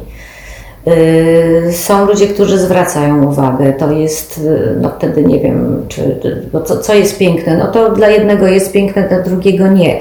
Też jeszcze możemy sobie o szerokościach geograficznych myśleć, tak? Yy, Gdzie kanon piękna jest różny, gdzieś w Afryce u Murzynów okazuje się, że warga i włożona muszla jest czymś pięknym, albo wiązane kolana i grube łydki to jest właśnie piękne, a my tego nie rozumiemy, bo dla nas to w ogóle nie wiemy o co to chodzi, co to ma być tu pięknego. No ale to, to, to już się tak na cały świat przenoszę, ale to tutaj u nas w Europie, no to kanon piękna jest y, jakby tak no, określony, ale my tutaj, gdzie jeszcze trochę myślimy, to szukamy tego ciągle środka, tego wnętrza jeszcze, że to piękno wypływa z tego środka, tak? Gdzieś ktoś mówi, że w oczach, gdzieś ktoś mówi w radości. Ja nie wiem, to, tak, czasami to jest nieuchwytne, ale widzi się taki spokój, stabilizację, radość wewnętrzną kogoś i nam się to podoba, bo lubimy tego kogoś, nie wiemy nawet za co. No i to jest wtedy piękne. Bo Tak wiesz, jeszcze mam taki sposób myślenia trochę, że taka pusta osoba będzie postrzegała piękno e, w pięknej torebce, w sensie w markowej torebce. Tak. A osoba mm, skrajnie różna, niekoniecznie tak bardzo piękna wizualnie, chociaż to też jest mit, może być ci piękna wizualnie, ale będzie postrzegała piękno jako dobre serce, nie status społeczny, tylko sposób bycia, dobre maniery i to będzie dla niej piękne, szlachetność. Ym, Tak, dobry Czyli gust. to jest ta psychoanaliza właśnie. tak. No tak, to jest ta Mhm. różnica. Ja się zetknęłam, ja się raczej spotykam z ludźmi, którzy są bardziej podobni do mnie, bo takich kontaktów, yy, bo wtedy mi odpowiadają ci ludzie i wiadomo, znajomych tak, różnych się ma, ale generalnie gdzieś podobnie yy, patrzą. Ale zetknęłam się z osobą, która Właśnie, to, tak, te osoby będą oglądały Big Brothera, tak? Będą, y, y, właśnie, markowa musi być torebka. Ja akurat, y, no może wstyd się przyznać, ja nie zwracam na to uwagi. Ja w ogóle nie jestem metkowa, od tego zacznijmy. Mnie się coś podoba albo nie. Ja też nie jestem modna, ja tylko uważam, że w miarę mam dobry gust. Może tak, w miarę. Może się komuś nie podobać lub y, podobać, ale tak w miarę, że nie będę podkreślać swoich wad, tylko raczej pokazywać to, co jest y, y, lepsze. I to na tym polega, tak mi się wydaje. No niektórzy ludzie tego nie widzą i u siebie nie widzą. Mm, I czasami to aż szokuje, że jak można tak się ubrać, ta osoba inaczej ubrana już by wyglądała lepiej, tak? Nie eksponować jakiegoś, jak się ma sadło na brzuchu i wystawiać to na wierzch, bo są brzuchy teraz modne, tak? No to po co to pokazywać, jak to nie jest akurat ładne? No to raczej przysłonić. Mm, I y, tak, markowe torebki, markowe buty i bezkrytycznie jeszcze się to kupuje, nie patrząc, czy to mnie pasuje, czy to do czegoś pasuje obudowywać się tymi przedmiotami z dobrą marką, za dobre pieniądze, to nie pomoże. To i tak nie pomoże. Odsłaniasz siebie poprzez sztukę, swój charakter, czy przeciwnie, zasłaniasz? No, Nie, chyba ja nie wiem, ja po prostu taka jestem i, i, i jestem jaka jestem. No, y, ja nawet dużo nie mówię o mojej sztuce czy, czy gdzieś, no chyba, że ktoś mnie pyta, bo, bo to po prostu jest, to jest moja i praca i moje jakieś tam ja i dla mnie to jest tak zwyczajne. Ja w ogóle nie wiem, jak można być osobą, która nie tworzy, bo ja nie byłam nigdy taka, zawsze byłam twórcza. I twórczość dotyczy nie tylko malowania obrazów, ale też i trochę przestrzeni, i trochę czasami i czasu, i przestrzeni. Bardzo dużo ludzi się nie radzi. I ja jestem czasami zdziwiona, dlaczego, dlaczego mnie, dlaczego tak, ale może dlatego, że ja się, może dlatego, że wiedzą, że ja się zastanowię, że ja odpowiem to, co ja naprawdę myślę. Nie wiem. To, to jest organizacja wszystkiego, twórczość taka związana z wszystkim. To, to, to nie jest tylko malarstwo, to nie jest tylko wnętrza, to nie jest, ale czasoprzestrzeń. Ja jestem dobrym organizatorem wszelkich rzeczy. Ja mogę jej wycieczkę dobrze zorganizować, ja ją przemyślę. Ja przemyślę, po co mi ta wycieczka, czego ja chcę, czego ja od niej oczekuję, czy ja chcę teraz zwiedzać i będę się męczyć, czy ja chcę teraz odpocząć. Jeżeli odpocząć, no to jak? I pod to ja dopiero sobie coś organizuję. To może być drogie, może być tanie, mogę być bliżej lub dalej, no bo to się wiążą koszty z tym. Ja nie muszę na koniec świata jechać, żeby odpocząć, ale ja to tak myślę i ja to organizuję. I zadaję czasami ludziom dziwne pytania. Mówię, no chcesz jechać. Sąsiadka na przykład, no dobrze, ale powiedz mi po co, w jakim celu, co ty chcesz, co chcesz odciągnąć, no i wtedy dopiero mogę ci coś radzić. Ja potrzebuję więcej danych. Tak jechać, żeby jechać. Jedna na kwestia może być za ile, no to już może też już jest jakieś ułatwienie, ale czego ty oczekujesz od tego wyjazdu, tak? Czy chcesz z świata zobaczyć kawałek i coś zobaczyć, to będzie czasami męczące albo bardzo męczące, a czy chcesz odpocząć? Wyjazd jest wyjazd. No więc mówię, nawet i takie rzeczy, więc ja jestem wieczny projektant, wiecznie coś wymyślam i projektuję. To może być komponowanie jedzenia, co zjemy, zjedzenie. Dobrze, teraz gdzie jestem, jak? Ja jeszcze sobie restaurację lubię wybrać, bo ona musi być klimatyczna, nie może być, nienawidzę metalowych krzesełek takich, żeby tylko przysiąść i zjeść. Nie to jedzenie jest ważne, dla mnie jest wszystko dookoła ważne.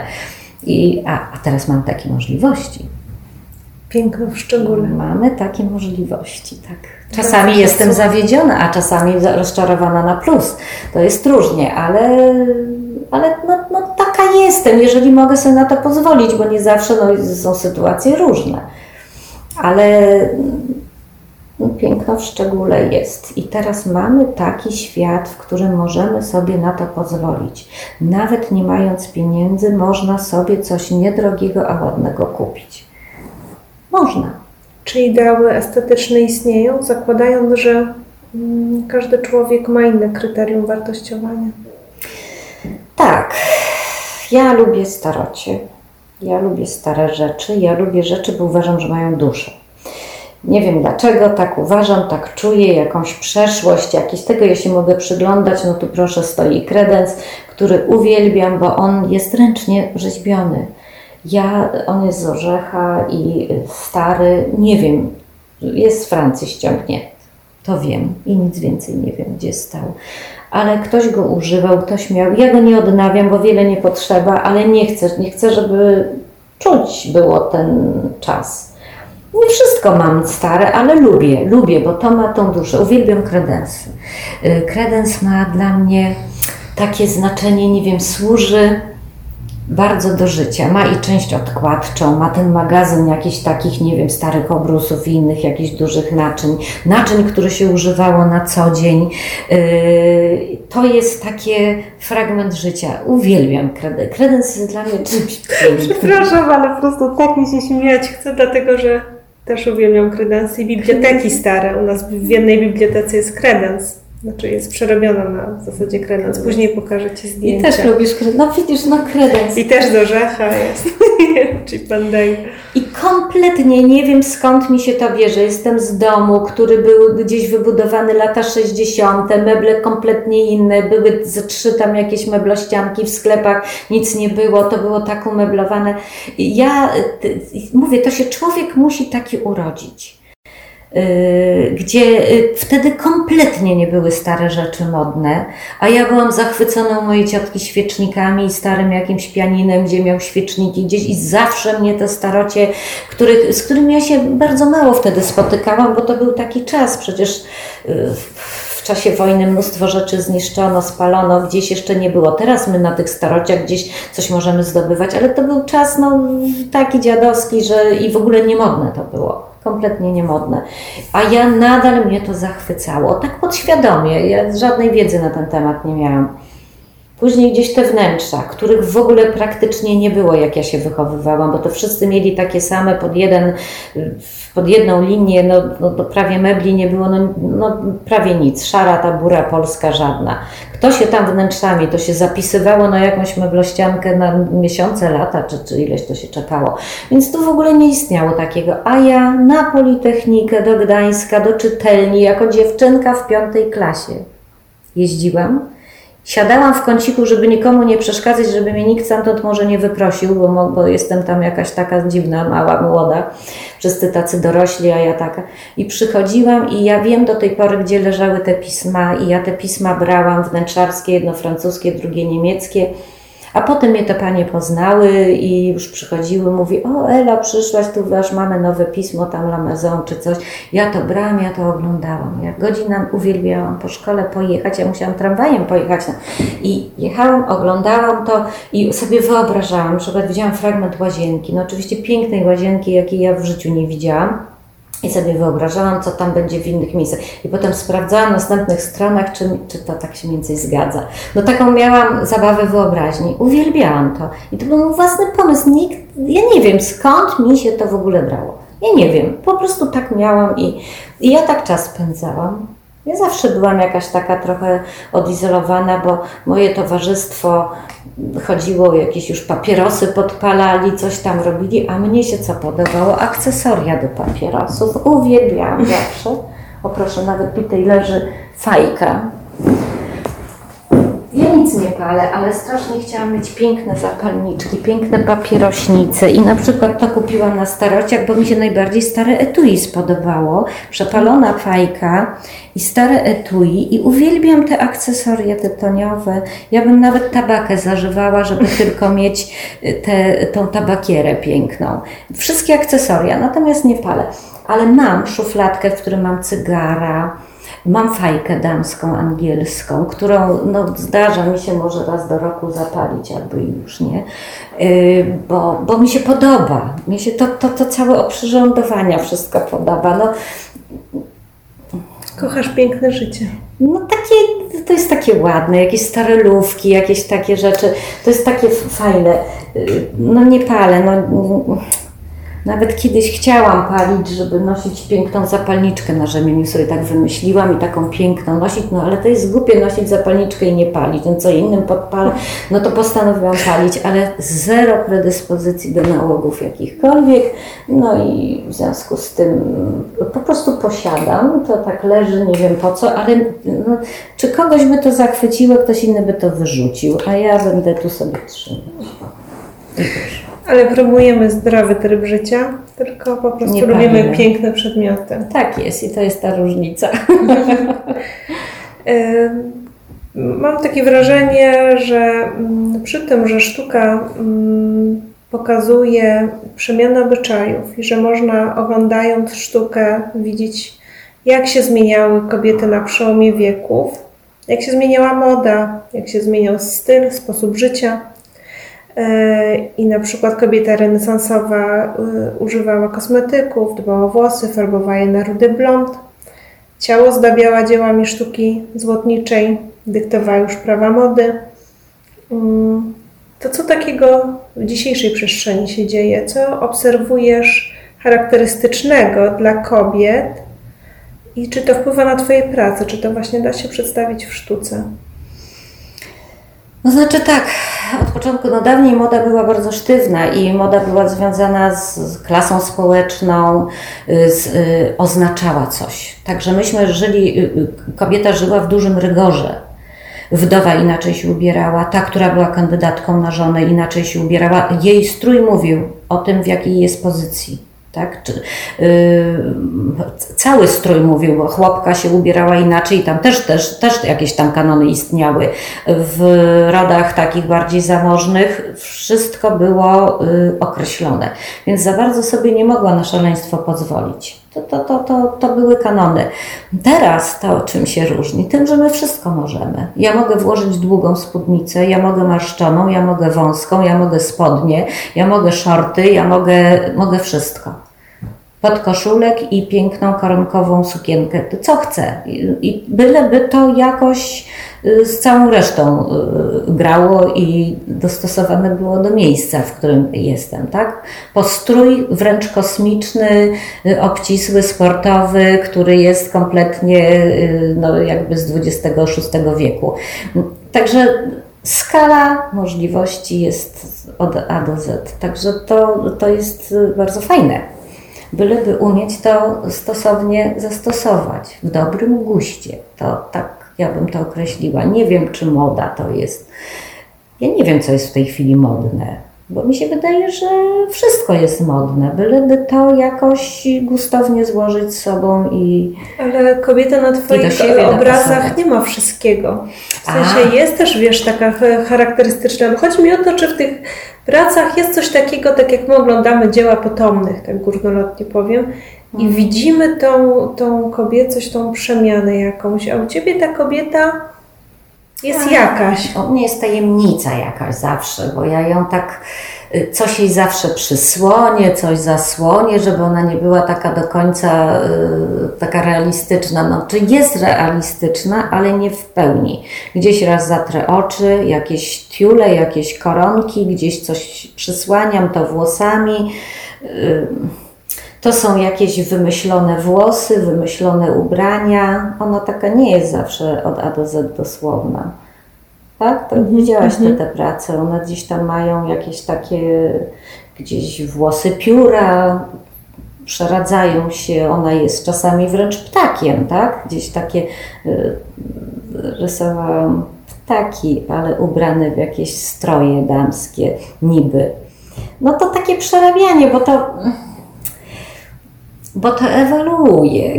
Gdzieś jest to zamierzenie tej pięknej kobiety, ale ja ją przebieram, ubieram, y, gdzieś wieszam jakąś dziwną biżuterię, taką trochę nierealną, czasem realną, czasem nie.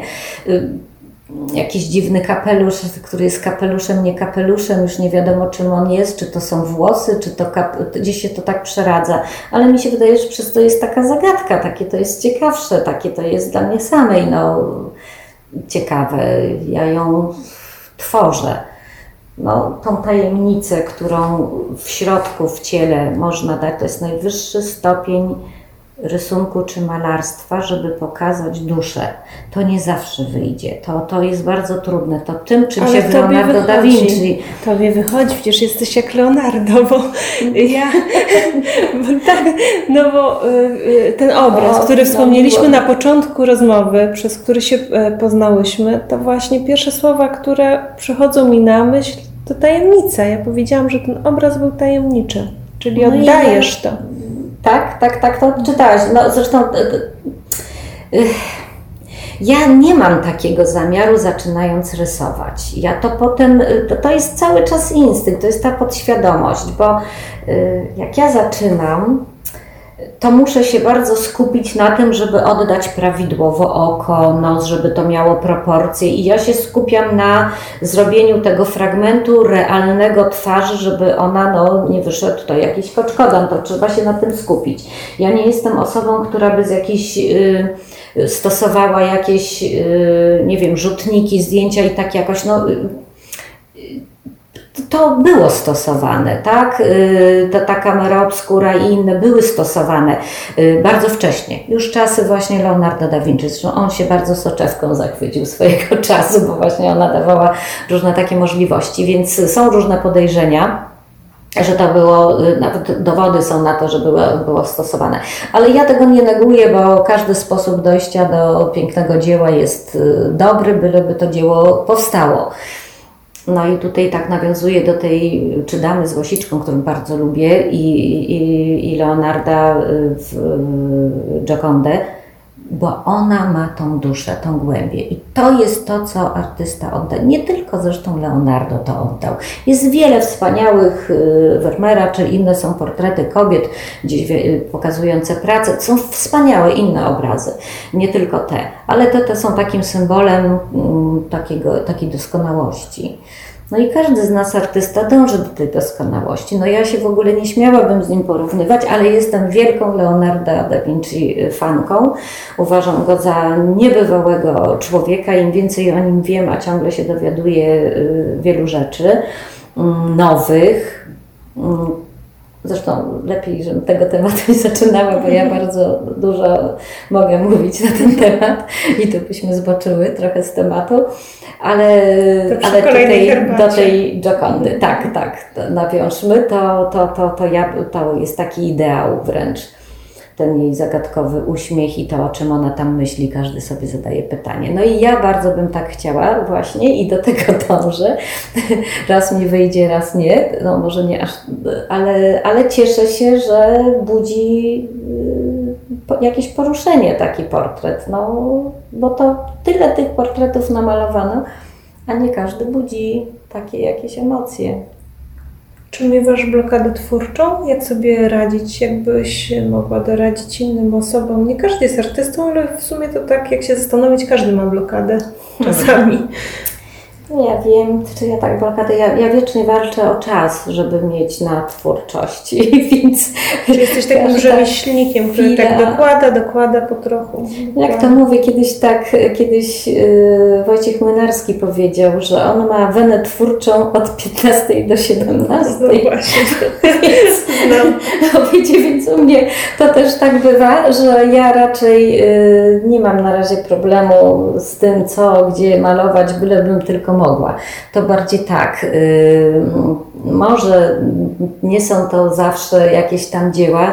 Ja mam takie swoje sposoby na jak jestem chora i nic nie mogę, to ja też w łóżku małe formy robię. Wtedy bardzo kolorowo maluję, żeby właśnie tak na przekór sytuacji mojej podłej niemocy, to ja wtedy zaczynam jakieś takimi prostymi formami, to są, czy, czy, czy techniką, no, nawet kolorowe mazaki, fluorescencyjne i jakieś takie, takie bardzo papuzie kolory używam, żeby sobie tak nastrój tym poprawić na przekór wszystkiego i też potrafię w łóżku yy, sobie zrobić warsztacik i takie małe rzeczy malować na przekór, więc czy to jest wena, czy to dzieło sztuki wielkie, nie wiem, ale jakieś takie fajne, wesołe formy powstają wtedy, nawet się dziwię czasami, skąd mi to przyszło. Czy włącza Ci się taki wewnętrzny krytyk? Oceniasz się od razu? No tak, tak. Czasem jestem zadowolona, czasem nie, czasem w ogóle nie wiem co dalej, więc odstawiam, potem coś znowu już wiem co dalej. Yy, Generalnie mi się ciągle wszystko jest nie tak doskonałe, jakbym chciała, chociaż jest parę prac, które uważam za takie lepsze, które, które lubię, te, które yy, czasami są nieduże, a lubię. Na przykład tą pracę, która tu wisi, bardzo lubię i jej nikomu nie sprzedam, bo ją lubię bo mi się podoba i, i, i, i ją lubię. I w, nie wiem, coś jest takiego w niej, że nie wiem no dlaczego, ale lubię, mam do niej sentyment i, i to nie jest do sprzedania. Nie wiem, może kiedyś zmienię, może coś innego się pojawi, co będzie, to, to, no na przykład tutaj, bo tutaj taka mała jedna wisi, jest mała, więc nie powinna być aż taka wartościowa, tak, a ja ją lubię. No i ona tu sobie znalazła swoje miejsce, bo też są obrazy, które znajdują swoje miejsce i nie można ich ruszać. Tego tyle tych jest prac, że o każdej mogę mówić, bo pamiętam, kiedy tworzyłam, bo to się tak rodzi, więc czasami szybciej, czasami wolniej, ale mam do nich różne sentymenty. Mówię, większe lub mniejsze, ale, ale no, no mówię, taka jestem i tak robię i to nie wiem, czy to lepsze, czy to gorsze. Uważam, że mam wielkie szczęście w życiu. No to cały czas uważam za jakieś wielkie szczęście, że, że wiem, co chcę robić i że to robię. I, i to mi wystarcza. To bylebym mogła tworzyć. Jak dbasz o wewnętrzną artystkę? Czy jakoś pielęgnujesz talenty? Czy ja o to dbam? No, tak, żebym szczególnie dbała. No, po prostu walczę o ten czas, żebym mogła tworzyć. To to jest takie dbanie o to, żeby nie zaniedbać, żeby nie przestać. Ale to nie jest nic na siłę, to po prostu mm, to tak, to jest, to jest we mnie. To, to, to, to, to nie jest, że ja coś tak robię jakby z zewnątrz, coś kombinuję sobie, coś tak mocno narzucam. To, to raczej nie, nie sądzę, żeby to było jakieś szczególne dbanie, tylko po prostu, po prostu jest i, i, i już. Co chciałabyś powiedzieć Eli sprzed 20-30 lat? Hmm. Że chyba właśnie to, żeby wiedzieć, czego się chce, zastanowić się, przemyśleć i wiedzieć, jeżeli jest się tego pewnym, to się tego trzymać. Nie dać się bodźcom zewnętrznym, pokonać. Tak mi się wydaje, bo wiemy, że mam koleżanki, które zrezygnowały i, i mówię, mają żal do całego świata. Najmniej do siebie, ale, ale mają żal, bo nie robią tego, co chciały, a jednak to jest bardzo ważne. Ja czasami moim uczniom to mówię, że to jest najważniejszy czas dla Was, podjęcie tej decyzji po maturze. Co będziecie robić, bo jeżeli jesteście zdecydowani i wiecie co, to już jest dużo i nie dajcie się, y, nie, nie, nie zobaczajcie z tej drogi. I takich uczniów mam, dużo takich zdecydowanych i to takich, którzy nie idą, nie szli na, y, na skróty, a mogli. I, i, i, i zdecydowanych ludzi. To, to, to, jest bardzo ważne. Ja wiem, że nie wszyscy tacy są że, że jest dużo możliwości w związku z tym tu próbują, tam próbują, siam próbują, a potem życie się okazuje, są jakieś dzieci, jakieś coś i nic nie, nie robią. I to jest przegrane życie wtedy. Jeżeli z nim nic nie zrobi się, no, no życie mamy jedno, no to ono ma być piękne, to tak ja uważam. W związku z tym robię to, co lubię, żyję z kim lubię, żyję tak, jak chcę, to do tego też trzeba dążyć, no, no, no żeby móc swobodnie żyć. To jest piękne, nie każdemu się to udaje, ale też żyć na y, pięknie, w, na co ciebie stać, nie ponad stan. Tylko jeżeli możesz wyjeżdżać, ja wyjeżdżałam na początku samochodem, nie stać mnie było na hotele, spałam w namiocie. I, y, i, i, I też było fajnie, bo na to mi było. Ja się cieszyłam tym, że ja w ogóle mogę wyjechać, że ja jestem, że widzę, że jestem w górach, że marznę. No to się ubierałam czasami we wszystko, co posiadałam w tym stylu. Ja nie robiłam z tego problemu. Ja nie potrzebowałam być królewną, która mieszka zawsze w pięknym hotelu, a potem nie mam co jeść albo za, za świadczeń nie mogę płacić. To w grę nie wchodziło. Zawsze miałam poukładane wartości. O, to jest bardzo ważne. Hierarchia wartości, żeby była poukładana. To jest ważne, bo właściwie to tam chyba Schopenhauer na ten temat mówił, że ludzie generalnie wszyscy wiedzą, co robią i co jest złe, co jest dobre. Ale hierarchia wartości w danej chwili u ludzi jest zachwiana i dlatego się kłócą, bo dla jednego to, dla drugiego to w danej chwili jest ważne i dlatego są kłótnie niesnaski. Ale ważne jest, żeby sam człowiek w sobie tą hierarchię wartości poukładał, wiedział, co jest dla niego najważniejsze, co nie, po kolei. Bo nie ma tak, żeby od razu było wszystko, tak? Ja w tej chwili już mówię z jakiegoś, jakiejś perspektywy życia, mogę siebie ocenić z góry, jakby na dół, jest inaczej, ale wtedy, kiedy ja byłam młoda i podejmowałam decyzję, to była wiecznie wieczna niewiadoma. Mało mnie na nic nie było stać. Ja nie miałam gdzie mieszkać, a mimo wszystko tworzyłam.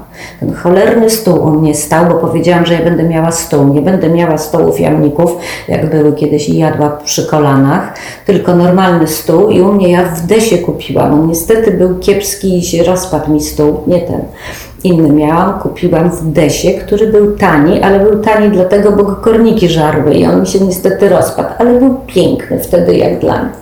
Oczywiście stary, więc ten stół, ja miałam pokój, nie miałam kuchni, nie miałam łazienki, to wszystko było wspólne, ale miałam ten stół. Na tym stole działo się wszystko. Ja na tym stole jadłam, ja na tym stole szyłam, bo też nic nie było. Szyłam, ja nawet potem dorabiałam na szyciu. Yy, I yy, no bo nie było się w co ubrać, a ja przecież chciałam, żeby było, więc pieluchy barwiłam, bo miałam małe dziecko, więc miałam pieluchy, więc tych pieluch szyłam spódnice, piękne były. Yy, cieniowane. Do tego robiłam właśnie jakieś szmaty na głowę, gdzieś szaliki. No, zawsze coś dodawałam, pióra barwiłam, bo już razem z tą schody to były wisiały jakieś pióra. Więc w czasach, kiedy się nie było w co ubrać, ja zawsze znalazłam wyjście. Więc miałam na przykład koszule męskie, były nocne koszule męskie. To były takie tutaj, tego takie tutaj polo, kołnierzyk i te męskie koszule ja przerabiałam na piękne sukienki. Tu marszczyłam, wszywałam koroneczki, koraliczki jakieś. Te koroneczki, jak była bardzo bawełniana, to miała intensywny kolor, a domieszkę miała sztucznego, była jaśniejsza. I powstawało cieniowanie. Ja to tutaj naszywałam. Sama chodziłam w takiej. I te koszule nocne męskie były tanie. Ja to kupowałam. Barwiłam, naszywałam, y, różne rzeczy robiłam z tym. W jednej z nich całą ciążę przechodziłam, tej męskiej koszuli. Boże, już nie chcę mówić, co jeszcze przerabiałam. Nawet męskie kalesony, żeśmy... Obcinało się nogawki, wstawiało się jakieś tego, Boże, no już nie chcę nic mówić, ale razem z koleżanką, ona, ona głównie to szyła wtedy. To myśmy z kalesą kobiety do, szyte sukienki były wstawiane, świecące tasiemki, inne elementy, patchworki takie i do ślubu kobiety chodziły, więc to nas najbardziej bawiło, żeby one wiedziały z czego to było. To były piękne rękawy ze ściągaczami, te rękawy były z nogawek. Więc pomysł. Tutaj wracamy do mody, więc nie wiem, czy to było modne. To było na pewno szalone, na pewno było to inne, na pewno było to oryginalne i nigdzie takich rzeczy się nie znalazło i nie zdobyło. A my z niczego coś. Takie historie są niesamowite i w zasadzie mm, przy tych sukniach ślubnych to zaraz mi się włączył e, taki artykuł, też jest na blogu o sukni ślubnej ze spadochronu, bo przecież w czasie wojny ludzie sobie różnie radzili. E, I, i takie nietypowe Moja rzeczy mama szła do ślubu, uszyła sobie ze spadochronu Przecież sukienkę ślubną. to To, co jest tam na tym zdjęciu, fotografowała ta y, Renatka, to y, moja mama y, też szyła. Ja, ja dzięki mamie umiałam szyć, tam mi trochę pokazała chwytów. I moja mama sobie, to przecież było zaraz po wojnie, nie było nic, uszyła ze spadochronu sobie sukienkę, dorobiła tylko tiul. Sama szyła, mama mi wszystko szyła. Yy, No, no, wtedy się szyło, naprawdę się szyło. No ja w podstawówce szyłam, miałam z- wykrój spodni i wykrój klinu spódnicy. I ja na tym bazowałam, ja sobie to szyłam ale innym szyłam. Jak ktoś grubszy troszkę szerzej, tu węziej z resztek. I zarabiałam w liceum na materiał dla siebie, bo ja grosze brałam za to. Potem z kimś tam potem podkładałam, nauczyłam się takiego ściegu do podkładania, żeby było elastyczne. No właśnie, moja mama była trochę manualna, to ja od, od niej wiedziałam. Ja to chwytałam błyskawicznie, ja to tego, więc szyłam. Szyłam wszystko. Mój synek był ubrany nietypowo zawsze, na drutach umiałam zrobić. Mam takie zdjęcie mojego syna, to ma tak czapkę, y, ma spodenki uszyte z mojej spódnicy w kratkę, z reszteczek uszyłam mu czapkę z uszami, do tego ma sweterek przeze mnie zrobiony, guziki wytoczone przez mojego wujka z drewna. Jedyne ma jakieś używane buty po jakimś dziecku, bo to był rok 80, nie było nic, 81. To, y, to, to wszystko robiłam. No, robiłam sama. Teraz już nie szyję, bo mi się nie chce. Natomiast tyle jest w sklepach, że można wszystko kupić. Wtedy tak nie było. I to sytuacja tak wymuszała. Tylko dlatego, że nic nie było. To ja szyłam. Prułam jeszcze, bo to nie było, że ja materiał kupiłam. Mnie nie było stać na materiał. Ja prułam stare płaszcze. Podpinka mojego ojca z palta, bardzo fajny, taki, taka w kratę. Y, Podpi- y, płaszcz mojej ciotki, który był turkusowy, piękny kolor. Ja mojemu dziecku z tego piękny, pikowany taką, taki płaszczyk kupiłam. To wszystko moje koleżanki potem ode mnie kupowały, brały, wymieniałam, bo to było inne. Dziecko nie było takie typowe, były tylko ortaliony granatowy i bordowy, ohydne takie. Ja tak nie chciałam.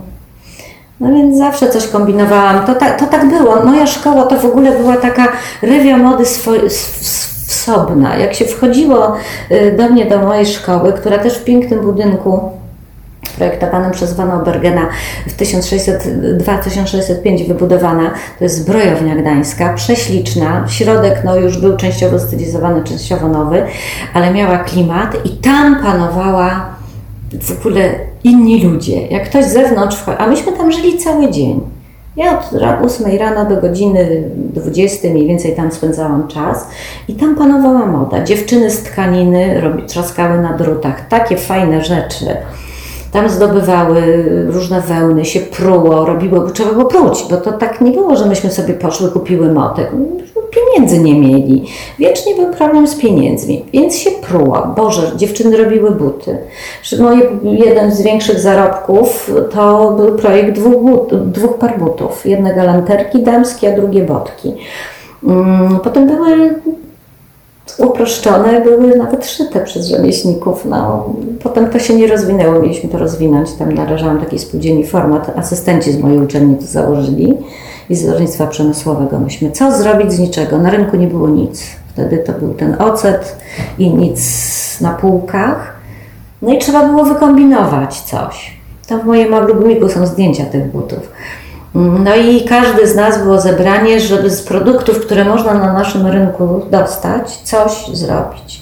I tak zostaliśmy, yy, i każdy potem na następne zebranie wrócił z jakimś pomysłem. Więc z drewna jakieś zabawki powstawały, jakieś długopisy z anten yy, tych od radia, teleskopów powstawały ładne długopisy, by były obrzydliwe.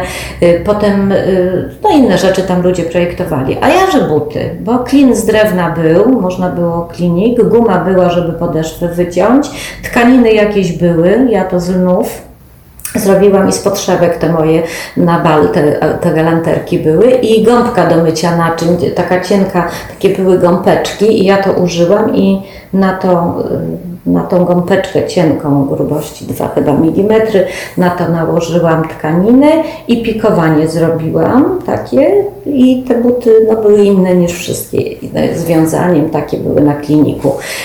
To, bo nie było nic na rynku, więc stworzyłam but z tego, co jest, czyli z podszewki i z gąbki, z drewna i gumy. No i to robiliśmy. Igły były, nici były, więc stwierdziliśmy. I nawet potem ten, ten projekt butów wygrał i nasi asystenci chcieli w ogóle taką spółdzielnię otworzyć szycia butów i projektowania tych butów i szycia. Potem żeśmy jeszcze resztki skóry mieli i powstały buty z dodatkiem skóry. Do tej pory by mogły być noszone. Prawdziwy len ze skórą na przód, na piętkę, na, na, na szwy to się naszywało. Taki wzór żeśmy zrobiły. Ja miałam tutaj potem botki z kieszonką z boku i z reklamą format. No to wszystko było zrobione. Potem jeszcze poprosili mnie o karton do zaprojektowania pięknego kartonu jakiegoś oryginalnego z uszami. No teraz te wszystkie rzeczy są już w sprzedaży, ale zaprojektowałam z uszami, z czymś taki gadżet do tych moich butów. No, za to wszystko bardzo dobrze zarobiłam. Wtedy to był mój jeden z większych zarobków. Kupiłam sobie telewizor, który kosztował nie wiem ileś pensji, bo to były inne proporcje kiedyś. Sprzęty techniczne bardzo było drogie. No i za te dwa projekty, także to było jedna z większych fajnych rzeczy. Ale to, co myśmy wtedy wymyślili, ten format, spowodował, że właśnie u ludzi, pewni ludzie, nasz mój kolega z, z wnętrz, projektował pismo, które reklamowało nasze pomysły. I on został potem w gazetach gdańskich, był cały czas grafikiem takim projektującym pisma. Z tego się to wzięło, ten nasz początek, gdzie nie było nic na rynku, żeśmy stworzyli taką grupę. No ci nasi asystenci to wymyślili z mojej uczelni. Myśmy i nas niektórych zaprosili do współpracy. No i, i, i myśmy to tworzyli. Ja w moim albumie o tym troszeczkę piszę, bo uważam to za bardzo fajne, co się stało. Bo niektórzy ludzie zaczęli bardzo pięknie biżuterię projektować, moi koledzy, zaczęli robić z drewna i ze srebra, bardzo piękne rzeczy. No i myśmy w tym piśmie to reklamowali, taką Alicję stworzyliśmy. Nam prozowała Małgosia Niemen. To zdjęcie, no to, to takie fajne czasy, no jak się tak człowiek wróci do tego, może było tyle łatwiej, że nie było nic na rynku, a myśmy mieli trochę polotu i pomysłów i mogliśmy się łatwo sprzedać. Teraz polot i pomysł nie wystarcza. Teraz trzeba stworzyć, zdobyć pieniądze na to. No ale myśmy też zdobywali. Spółdzielnia była ja, nasza, no, no, no tak plastycy trochę działali. Myśmy obrazy się sprzedawały. Właściwie wszystko, co się ładniejszego stworzyło, to się sprzedawało. Było o tyle łatwiej ale trzeba było robić. No teraz też trzeba robić, ale jest dużo trudniej sprzedać, tak mi się wydaje. No. Chociaż nie wiem, no ja jakoś sobie ciągle radzę, no jakoś to się tak zdarza, że, że jakoś jeszcze, pomimo, że mi się wydaje, że już nie powinnam, a już, już a, a jeszcze, jeszcze mnie chcą, jeszcze gdzieś tam istnieje, więc, więc jest fajnie. No, ja Znowu wracając do pytania, co bym powiedziała młody e, Eli sprzed 25 lat, ja bym tego to samo robiła, co robię. Ja, ja niczego nie żałuję. Nawet jeśli popełniałam jakieś błędy, to ja z nich wyciągałam wnioski. Zawsze uważałam, że jakieś porażki są po to, żeby mnie przestrzec. Tak ja do tego podchodziłam, to jest chyba optymizm, że po to, żeby mnie przestrzec przed dużo gorszą jakąś porażką, że teraz będę ostrożniejsza, że będę uważać, że że będę y, jakby bardziej czujna. To znaczy, trzeba ufać sobie, tak myślę, wierzyć w siebie, patrzeć optymistycznie, ale być ostrożną. To tak gdzieś wyważyć, żeby, bo człowiek musi żyć, więc to jest jakby nie zadłużyć się, nie brać kredytów. O, ja bym przed tym ostrzegała, chociaż niektórzy uważają, że jest dobrze brać kredyty. Ja nie, nigdy w życiu nie wzięłam kredytu, bo bałabym się, że nie spłacę. Odpowiedzialność by mnie zabiła. I jakoś mi się udawało zawsze żyć na poziomie takim, na jakim byłam. A byłam na różnym. Przeszłam poziomy takie, że żyłam za 5 zł tygodniowo i rzeczywiście, nie oszukuję, był czas, że 5 zł i nie mogłam kupić więcej. I to było tak upokarzające, stałam w kasie, taki moment, kiedy wiedziałam, że wybierałam produkt, z którego ewentualnie mogę zrezygnować, jeśli kwotę 5 zł przekroczę. No może to 5 zł to obecne jest 10 więc bardzo mało. Ja znałam artykuły najtańsze, jakie mogą być, i, i ten jeden musiałam w razie czego oddać. I tak sobie wtedy pomyślałam, że mam głowę, mam ręce, jestem zdrowa, to, to jest tak upokarzające, że tak nie może być. Ja muszę coś zrobić. No i tak zaczęłam uczyć. Myślałam sobie, mogę uczyć, mogę sprzedać wiedzę. Nie stać mnie na razie na to, żeby nawet kupować farby czy tramy, a na sprzedaż bym musiała długo czekać, a ja potrzebuję tu i teraz na masło i na chleb. I zaczęłam uczyć i już tydzień później się okazało, że w szkole ogłoszenia jakieś dałam na witrynach w sklepie, tu, tam i się okazało, że tu w sąsiedztwie się ktoś zgłosił, to tu jakieś dzieciaki zaczęłam uczyć i już, i już mogłam kupić za 25 zł zrobić zakupy. I tak, tak to rzeczywiście było. A potem to się tam rozwinęło troszkę, no, trochę to się rozwijało w w jakieś tam nauki już dzieci do liceum, a potem dzieci na studia i to tak jakoś tkwiło. A potem zaczęłam malować, projektować, no już zupełnie było inaczej. No ale były momenty związane z przeprowadzkami, z miastami. W innym mieście zaczęłam żyć to. No właśnie, a co wyznacza piękno kobiecej figury? Proporcje, kształt, symetria? No chyba proporcje.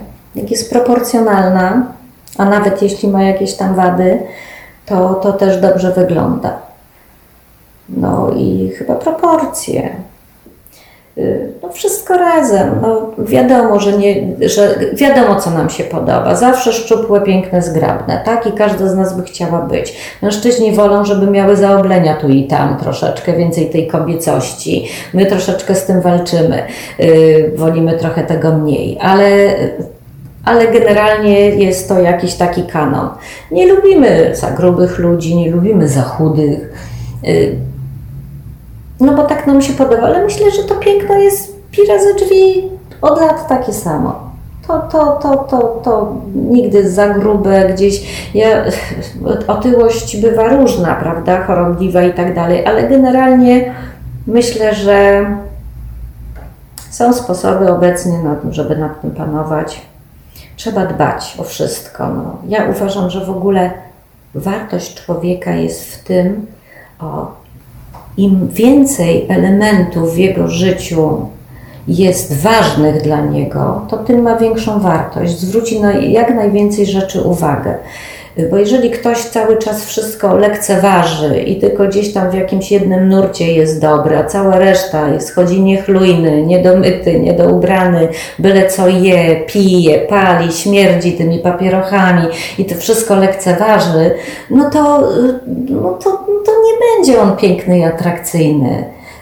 Generalnie im więcej rzeczy, czyli zadba o swój umysł, zadba o, o, o, o urodę, zadba o o to, co robi, o to, czym się otacza, kim się otacza, y, y, co widzi, jego światopogląd, bo podróżuje, to też wiele rzeczy wie.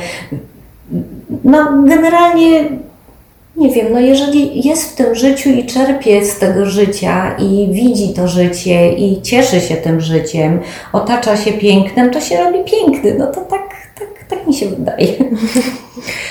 A teraz o brzydocie będzie. To znaczy, żeby, żeby był e, kontrast jakiś. Mm, bo wiesz, na swój sposób brzydota też jest dla niektórych piękna i inspirująca. Znaczy ona jest porządkiem natury I choć bywa męcząca, dla twórców też bywa pociągająca, na przykład turpizm w literaturze, a w sztuce I też i mnie nie zraża. Yy, I w filmie mnie sceny ostre, mocne i takie obrzydliwe wcale nie zrażają, jeżeli one znowu są uczciwe i prawdziwe, nie na siłę. Yy, Nie są do czegoś potrzebne. To i czasami nawet obraz czy brzydki człowiek. Ja nie wiem, kto to jest brzydki człowiek. Leonardo da Vinci też rysował bardzo dziwne typy ludzi, też się fa- fascynował i to bywa fascynujące jako forma. Bardzo lubię starszych ludzi, bardzo lubię patrzeć na ich zmarszczki, na bruzdy, na życie. Ja mam nawet takie, mój Boże, kiedyś byłam w takim miejscu, może to tak przy okazji, Aleksandria. Miałam czas, musiałam czekać na coś, siedziałam w takim biurze turystycznym i obserwowałam ludzi. I to było kapitalne, fascynujące. Ja zobaczyłam, jakie nacje się przesuwają od murzynów bardzo czarnych, poprzez przebielonych, poprzez ludzi y, wręcz zachwycił mnie pewien starszy człowiek, mocno starszy, w białej chlamidzie, bo właśnie byli różnie ubrani. Tutaj nawiążę do mody, związana z religią. Białe, czarne, zakrwawione kobiety, kobiety odsłonięte w jakichś chustach i stujeczkach, ubrane bardzo skromnie, znowu jakieś inne wyznania, po europejskie ubranie. I ci ludzie się tak, właśnie to była ta moja obserwacja. Obserwowałam ludzi. Tak wyglądali, mieli przemieszani byli, bo to Aleksandria było miasto, gdzie, które było egipskie, było greckie, było perskie, było mieszanką kiedyś ludzi, gdzie to potem w jakichś grobowcach byłam, tam w podziemiach i właśnie takie różne groby y, były, egipskie, rzymskie. y, I ci ludzie się też przemieszali i to było widać. Teraz obecny XXI wiek, czy to jeszcze XX, już nie pamiętam, w każdym razie y, te nacje. I tenże człowiek był starszy, był w białej chlamidzie i miał jasne oczy. I był biały, a był Egipcjaninem. I miał takie niesamowite, nie wiem, ja miałam wrażenie, że patrzę na człowieka, który ma w genach jakąś tam historię i ja miałam poczucie, że on jest, że on ma rzymską historię. Tak ja go odebrałam. Tak mu się przyglądałam, on był trochę zmieszany, że mu się tak przyglądam, a ja go, ja go, mam, ja go widzę w tej chwili, ja go sfotografowałam, ja go przeniknęłam, ja go w środku rozbebeszyłam. Tak mnie zafascynował. Nie wiem, czy on był piękny, on był ogromnie ciekawy dla mnie. Y, Miał taką głębię i taką jakąś mądrość w sobie, którą zebrał, nie wiem, z iluś dusz chyba, bo ja już nie wiem, jak to y, odebrać. Ja ludzi odbieram, gdzie ja nie wiem, y, czy tak jest, czy nie jest, tylko są ludzie, którzy mają duszę dawną, starą, A są ludzie, którzy jakby dopiero świeżo się urodzili, nic nie wiedzą, nie, nie, nie, nawet są wykształceni, mają wiedzę nabytą, ale są płytcy. Oni dopiero zbierają tą wiedzę. A są ludzie, którzy czasami mogą być prości, w sensie prości, niewykształceni może tak, a mają w sobie tyle takiej wiedzy Głębi. podświadomej i głębi, że Gdzieś takiego górala na Gubałówce daleko spotkałam. Siedział w chatynce jakiejś i miał jakieś stare gazety, które czytał, nieaktualne, ale on je czytał. Jak się okazało, sam się nauczył i miał cztery klasy szkoły podstawowej i miał taką głębię, był takim ciekawym człowiekiem. Taki człowiek, z którym się nie chciało rozstawać, chciało się rozmawiać. I nie wiem skąd, co i jak. I tacy są ludzie, tylko tych ludzi trzeba dostrzec. Dla mnie tamten Aleksandryjczyk, z którym bym się dia diabła nie dogadała, mnie zafascynował. I, i ja go bym mogła narysować. Myślę, że to wszystko ładnie się mm, łączy z kolejnym pytaniem, ponieważ jest y, takie pojęcie w sztuce piękna nadzmysłowego. Jako takiego przedstawienia piękna, kiedy potrafimy w kimś dostrzec mądrość i prawdę, nie widząc twarzy osoby lub wiedząc, że twarz nie mieści się w naszych normach estetycznych. Czy to Cię też interesuje? Mamy na przykład radio, w którym nie widzimy twarzy, a bardzo lubimy słuchać. I ta, ta osoba się nam wydaje bardzo ciekawa, tak? I słuchamy, y, nie widząc osoby. Nawet są tacy dziennikarze, których chciałabym zobaczyć, jak wyglądają, bo fascynują mnie tym, co mówią, y, o czym mówią, a, w, y, a nie znam ich twarzy i czasami jestem zaskoczona, tak? Czasami to bywa rozczarowujące. Tak, rozczarowujące albo ale są osoby, na które, no nie wiem, może ja mówię o brzydocie, bo ja nie wiem, czy człowiek stary jest brzydki. Dla mnie, ja nie wiem, co to jest brzydki. Dla mnie brzydki to jest zaniedbany. Może tak bym to określiła. Y, że nie lubi sam siebie, nie szanuje sam siebie i zaniedbuje siebie. I to jest brzydki, bo to ja tak jakoś w całości. Natomiast człowiek stary, który już nie mieści się w kanonach urody i nie jest oceniany w kanonach urody, tak? Ale jest ciekawy i fascynujący. Y, ja miałam ciotkę, która wyglądała na pierwszy rzut oka tak, że ją się pchnie i ona się wywróci, już taka chudziusieńka, już cała pomarszczona i no, no w żadnym kanonie urody się nie mieściła. Natomiast jak zaczęła mówić, to po prostu ja, to ona mieszkała w Warszawie, już nie żyje, ja po prostu mi było szkoda czasu, a miałam w planie zwiedzać Warszawę i miałam różne tam plany z tym związane. Ja z wszystkiego zrezygnowałam, żeby z nią być i jej słuchać. Y, bo takiego języka już się nie spotka, tego co ona mówiła już się nie spotka, ludzi, których znała, o których opowiadała, no ją można było łyżkami jeść, mi po prostu było żal czasu na cokolwiek innego, bo to coś mogłam później, kiedy indziej zrobić. Natomiast ona była dla mnie zjawiskiem. Całym cudownym, więc nie była ładna, no bo była stara, stara, pomarszczona, ani ładna, ani brzydka, w ogóle nie można było określić, po prostu staruszeczka, człowiek, parę lat, dwa czy trzy jeszcze pożyła i przed śmiercią I, i jestem szczęśliwa, że mogłam obcować z taką osobą, bo to, co ona mówiła, jak ona mówiła, to chyba jeszcze ważniejsze było. Sposób mówienia, wypowiadania się y, no, był fantastyczny. Y, no, w ogóle prowadziła, ona była historykiem, prowadziła taką y, piękną rzecz, którą podpowiem, której ja nie prowadzę, a żałuję. Ale może Ty byś mogła coś takiego zrobić. Ludzie, którzy do niej do domu przychodzili, byli pierwszy raz, musieli dokonać wpisu. Miała kronikę taką. Tych kronik się oczywiście nazbierało wiele. Ona po wojnie wróciła, mieszkała na ulicy Kruczej i przychodzili do niej różni ludzie. I ludzie, którzy potem się okazywali znani, potem w telewizji ich oglądaliśmy, potem się znało, już dawno niektórzy nie żyją, mm, niektórzy robili rysunki. Był to rektor Akademii y, Plastycznej y, Warszawskiej i wpis z rysunkiem zrobił. Ja jej zrobiłam też wpis z rysunkiem. No i to nas wyróżniło w tych, w tych kronikach, ale no piękne te wpisy, zaczęłam oglądać je, czytać. To było fantastyczne. No taki miała pomysł, który realizowała przez całe życie. Miała na przykład sztućce, które były po każdym posiłku wycierane na sucho i wkładane do takiej uszytej chyba przed wojną takiej jakby flanelce i na każdy sztuciec była takie etui zrobione ręcznie i taka była tradycja i nikt się jej nie sprzeciwiał. Każdy wycierał i wkładał na miejsce po każdym posiłku.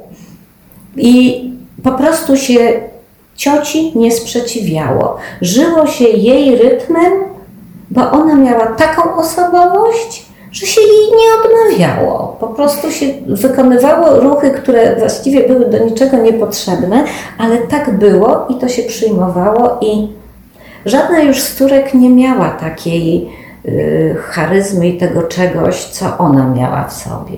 Człowiek dawnej daty, sposób mówienia, tak jak Bartoszewski na przykład, jak on mówił, prawda? Nie, nie, nie można było go nie słuchać.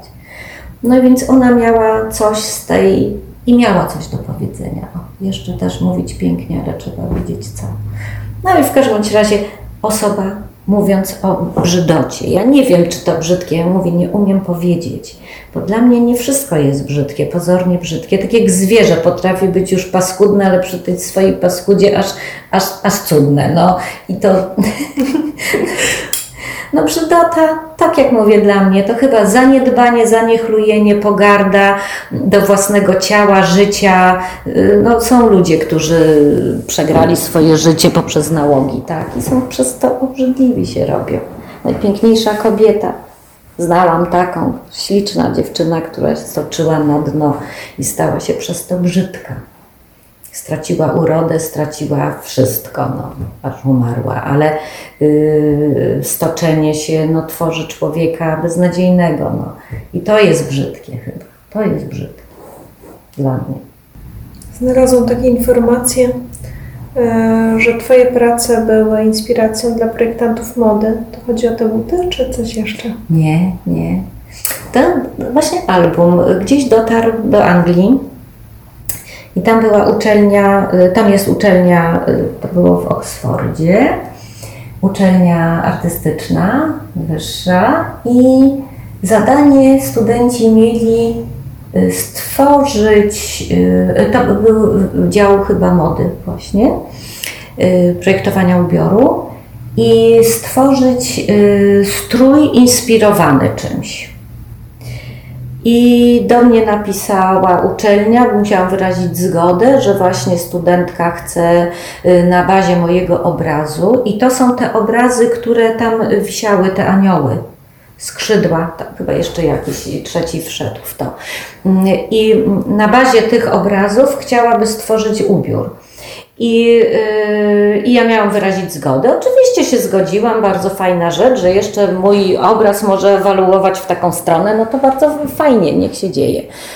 No i później dostałam właśnie pokaz taki, jest ten mój obraz, potem są fragmenty tych, tych skrzydeł jakby wycięte, yy, potem jest robiona tkanina filcowana, ale z piórami filcowana żeby były te pióra i z tego, z tymi moimi dziurami, poszarpaniami, tymi, tymi moimi zadziorami, pazurkami, zrobiona taka suknia i kobieta zrobiona na ptaka, miała zrobioną fryzurę taką właśnie ptasią, makijaż taki, taki ptasi i cały ten pokaz. I w tle był ten obraz y, wyświetlany, właściwie na nią był wyświetlany i ona w tym stroju. Więc była pokazana cała y, sposób robienia y, tego ubioru to była filcowana taka sobie. A następny y, y, był y, potem, trzeba było to kontynuować i ona dołożyła do tego taniec cygański. I z tego wyszedł papuzi strój z kolei, czyli z tego ptaka, z tego takiego bardziej w takiej sepi, w brązach, czerniach, mm, przerobiła to na agresywne kolory, inny strój, kontynuowała te, taniec cygański, te kolory takie, takie i papuzi kolor jakby wyszedł z cygańskich kolorów, przeszła i kontynuowała na to, więc rzeczywiście taka myśl jakaś i ta inspiracja, bardzo fajne ćwiczenie moim zdaniem dla studentów. No i ta dziewczyna potem bardzo mocno wodę tą, w, tą modę filcowaną przeszła, robiła potem te filce, no tyle, że już nie z piórami, nie, nie, ale takie bardzo jej się podobały te, ja lubię ten zadzior, właśnie dziury, frędzle takie, ale świadome, takie porobione, tak jak lubię pióropusze. Ty mi się teraz, y, y, y, siedziałaś na tle tego kwiatu i mówię, takie zdjęcie, ja te kobiety z tymi piórami robię, a tutaj masz z, z, z kwiatów, z tych liści mhm. kwiatów zrobiony taki pióropusz. I to, no w każdym razie to są takie pomysły, fajne ćwiczenia, Y, właśnie y, to, to wyzwala y, taką wyobraźnię, no, to tak ewaluuje. Także takie coś powstało, czyli jakby od mojego obrazu do mody i do mody, do, do, do fashion, do, do, do, do, do szycia ubioru yy, przeszłyśmy. To się stało właśnie tak też poza mną, ale bardzo fajnie, że stała się moja praca inspiracją dla kogoś do projektowania ubioru. No. Za każdym razem, kiedy Ciebie widzę, wyglądasz jak artystka. Tak mi się kojarzysz, bo widziałam też takie zdjęcia Twoje w kapeluszu z perłami, w sukience, w paski, takiej letniej w stylu marynarskim, ale właśnie nosisz taką dużą, wyrazistą biżuterię artystyczną. Chociaż wspominałeś, że może moda niekoniecznie w takim znaczeniu trendów, ale masz bardzo charakterystyczny własny styl. No ja mówię, nie wiem czy moda, tylko gust. Ja to tak bym nazywała. Taki mój gust to jest. To jest coś, w czym ja się swobodnie czuję. Ja y, jestem wygodną osobą. Nie lubię się umartwiać, dlatego mam miękkie kanapy, poduchy. Ubranie musi być też miękkie i wygodne. Y, nie będę się y, nie wiem, usztywniać. No może są jakieś sytuacje, w których tak trzeba, ale tak generalnie musi być wszystko takie, żebym ja się w tym dobrze czuła. No i ale jeszcze przy tym, żeby to było ładne w miarę, no tak jakoś, żebym ja w tym wyglądała, mm, żeby to było w miarę ładne. Ludzie mówią ci komplementy, że tak No ja fajnie wiem. wyglądasz, że inaczej wyglądasz. Za bardzo nie, tak ludzie się nie odważają. Boją się ciebie. Tego Ale wiesz, wiem kiedy dobrze wyglądam, bo widzę reakcję. To ja to wyczuwam. To, to nie jest, y, że ja nie żyję na tym świecie. Ja jestem dobrym obserwatorem. Ja tylko spojrzę swoje, wiem. Czasami myślą, ktoś mi chce tam oprowadzać i mówić. Ja mówię, już to wszystko zdążyłam zauważyć. Szczególnie wnętrzu, nie? Ja wejdę i już wszystko wiem. Dużo wiem. Y, I, i wymiar mam w głowie i tak zbaczam, żeby nie mówić o sobie, bo ja nie wiem, y, za dużo nie, nie komplementują mnie, dlatego że nie wiem, no albo nie mają odwagi, albo nie chcą, albo to tak nie wypada, bo jakby w innym celu przychodzę. Mm, No, średnio raczej, raczej chyba nie. nie mówią mi, może tak. Natomiast y, Staram się w miarę y, wyglądać przyzwoicie w zależności od sytuacji, bo różne je miewam. Ale też bywa, że ja mam dzień, w którym nie mam czasu się przebierać, a jestem rano na budowie, a potem mam wernisaż i ja muszę jakoś. W związku z tym czasami dwie pary butów gdzieś w, w, w, w bagażniku i, i jakoś tak, żeby to, y, żeby się nie musiała przebierać, bo nie mam kiedy i gdzie. No tak bywa. Albo teatr jeszcze wieczorem. No i to tak, y, tak, tak bywa. Ale ponieważ mój ubiór jest taki, spodnie do wszystkiego, można już teraz iść do teatru, kobieta się może ubrać właśnie tak, y, no bardziej niż mężczyzna my potrzebujemy wygodnego ubioru, tak? Ale musisz dużo dodatków. Ogrywasz to A tak, tymi no. szczegółami, dodatkami, akcesoriami mody, właśnie pierścionek, tak, tak. kolczyki, pasek. Zawsze pierścionek do portmonetki można wsadzić i go włożyć kiedy trzeba. To wymaga tylko momentu. Często y, nawet mi się zdarza, to nie powinno, to do przykładu ze mnie nie należy brać. Ja się maluję czasami w samochodzie na czerwonych światłach, nie potrzebując lusterka. Może nie zawsze i nie jest to na pewno tak dobrze i idealnie, ale jakoś. No ja jestem osobą, która wiele rzeczy robi, wielowątkową, więc w związku z tym różne rzeczy y, robię, więc, więc się dzieje. Tutaj y, ta sztuka i, i wernisaże, jestem artystką, robię jakieś plenery, organizuję, więc y, bywam na tych plenerach innych, więc to się wiąże. Są jakieś wyjazdy, są tu projektowanie, ileś y, projektów czasami naraz, jakieś realizacji innych. No, y, też w związku z tym są jakieś oferty, szkolą mnie w związku z wnętrzami, więc też jakieś spotkania. Więc ja takich wątków różnych życiowych, y, plus normalne życie jeszcze, tak, tworzę. Jestem matką, babcią, y, no więc te- też jakieś obowiązki mam w związku z tym żoną, y, dom mam, no, no kota, to wszystko trzeba obsłużyć, ktoś to musi. No więc to jest tak, że y, to jest tylko dobra organizacja. To, to, to jest bardzo ważne. Dobra organizacja. Ja się nie lubię śpieszyć. Ja na pewne rzeczy mam czas i nie lubię się śpieszyć to się skończy tak jak dzisiaj. Możemy sobie spokojnie rozmawiać, bo ja na to sobie wyznaczyłam czas. Co nie znaczy, że potem, tak jak y, dlatego troszeczkę ten wywiad y, jest później niż ja chciałam, bo miałam bardzo napięty y, moment, że tak wetknąć mi coś, no było trudno. Już bym nie miała tak czasu, a ja nie lubię się śpieszyć, bo wtedy nie wychodzi to dobrze. Na wszystko, no właśnie, to też jest. Mówię, hierarchia wartości z tych przekazów, hierarchia wartości i też odpowiednio czas sobie organizować. Gro ludzi za mało czasu sobie daje na pewne rzeczy. Ktoś mi mówi, wiesz, za godzinę, a ja mówię, co ty robisz? To i to. Ja mówię, przecież to jest nierealne za godzinę. Za dwie się umówmy. No bo tym dojechać, wrócić, coś zrobić, ja to błyskawicznie liczę. I potem ja siedzę i godzinę czekam, mnie szkoda tej mojej godziny. Ja w tą godzinę już wiem, co mogę zrobić. Więc też szanujmy ten czas i go realnie obliczajmy. Nie za dużo, nie za mało, w sam raz. I, ale często tak nam się wydaje, że coś w 10 minut, w godzinę czy co. Nie. Dajmy sobie więcej zapasem. Bo się okazuje zawsze, że, że więcej tego czasu nam coś tam zajmuje niż myśleliśmy. Jak być bardziej twórczym w życiu bez względu na profesję? Hmm, bardziej. To znaczy, że ktoś uważa, że za mało jest twórczy i chciałby być bardziej. Nie wiem, organizacja pracy, właśnie. Tak to zorganizować, żeby sobie znaleźć czas ponieważ e, wszelka twórczość no, nie jest taka ad hoc, że to tak przychodzi w moment, więc yy, chyba, że ma się już coś wymyślonego i tylko nie ma czasu na realizację, ale, yy, ale trzeba sobie ten czas wyznaczyć wtedy sztywno. Jeżeli mamy kłopot z organizacją, trzeba sobie wyznaczać, że po obiedzie o godzinie 17 piję herbatę czy kawę czy coś i siadam do roboty. Mam to już wszystko przygotowane i siadam do roboty i pracuję do wieczora, mam ten czas. Nie umawiam się z nikim, nie, y, no, no, jakiś dzień sobie wyznaczać. Tak jak się chodzi na angielski, jak się człowiek zapisze, zapłaci, to chodzi.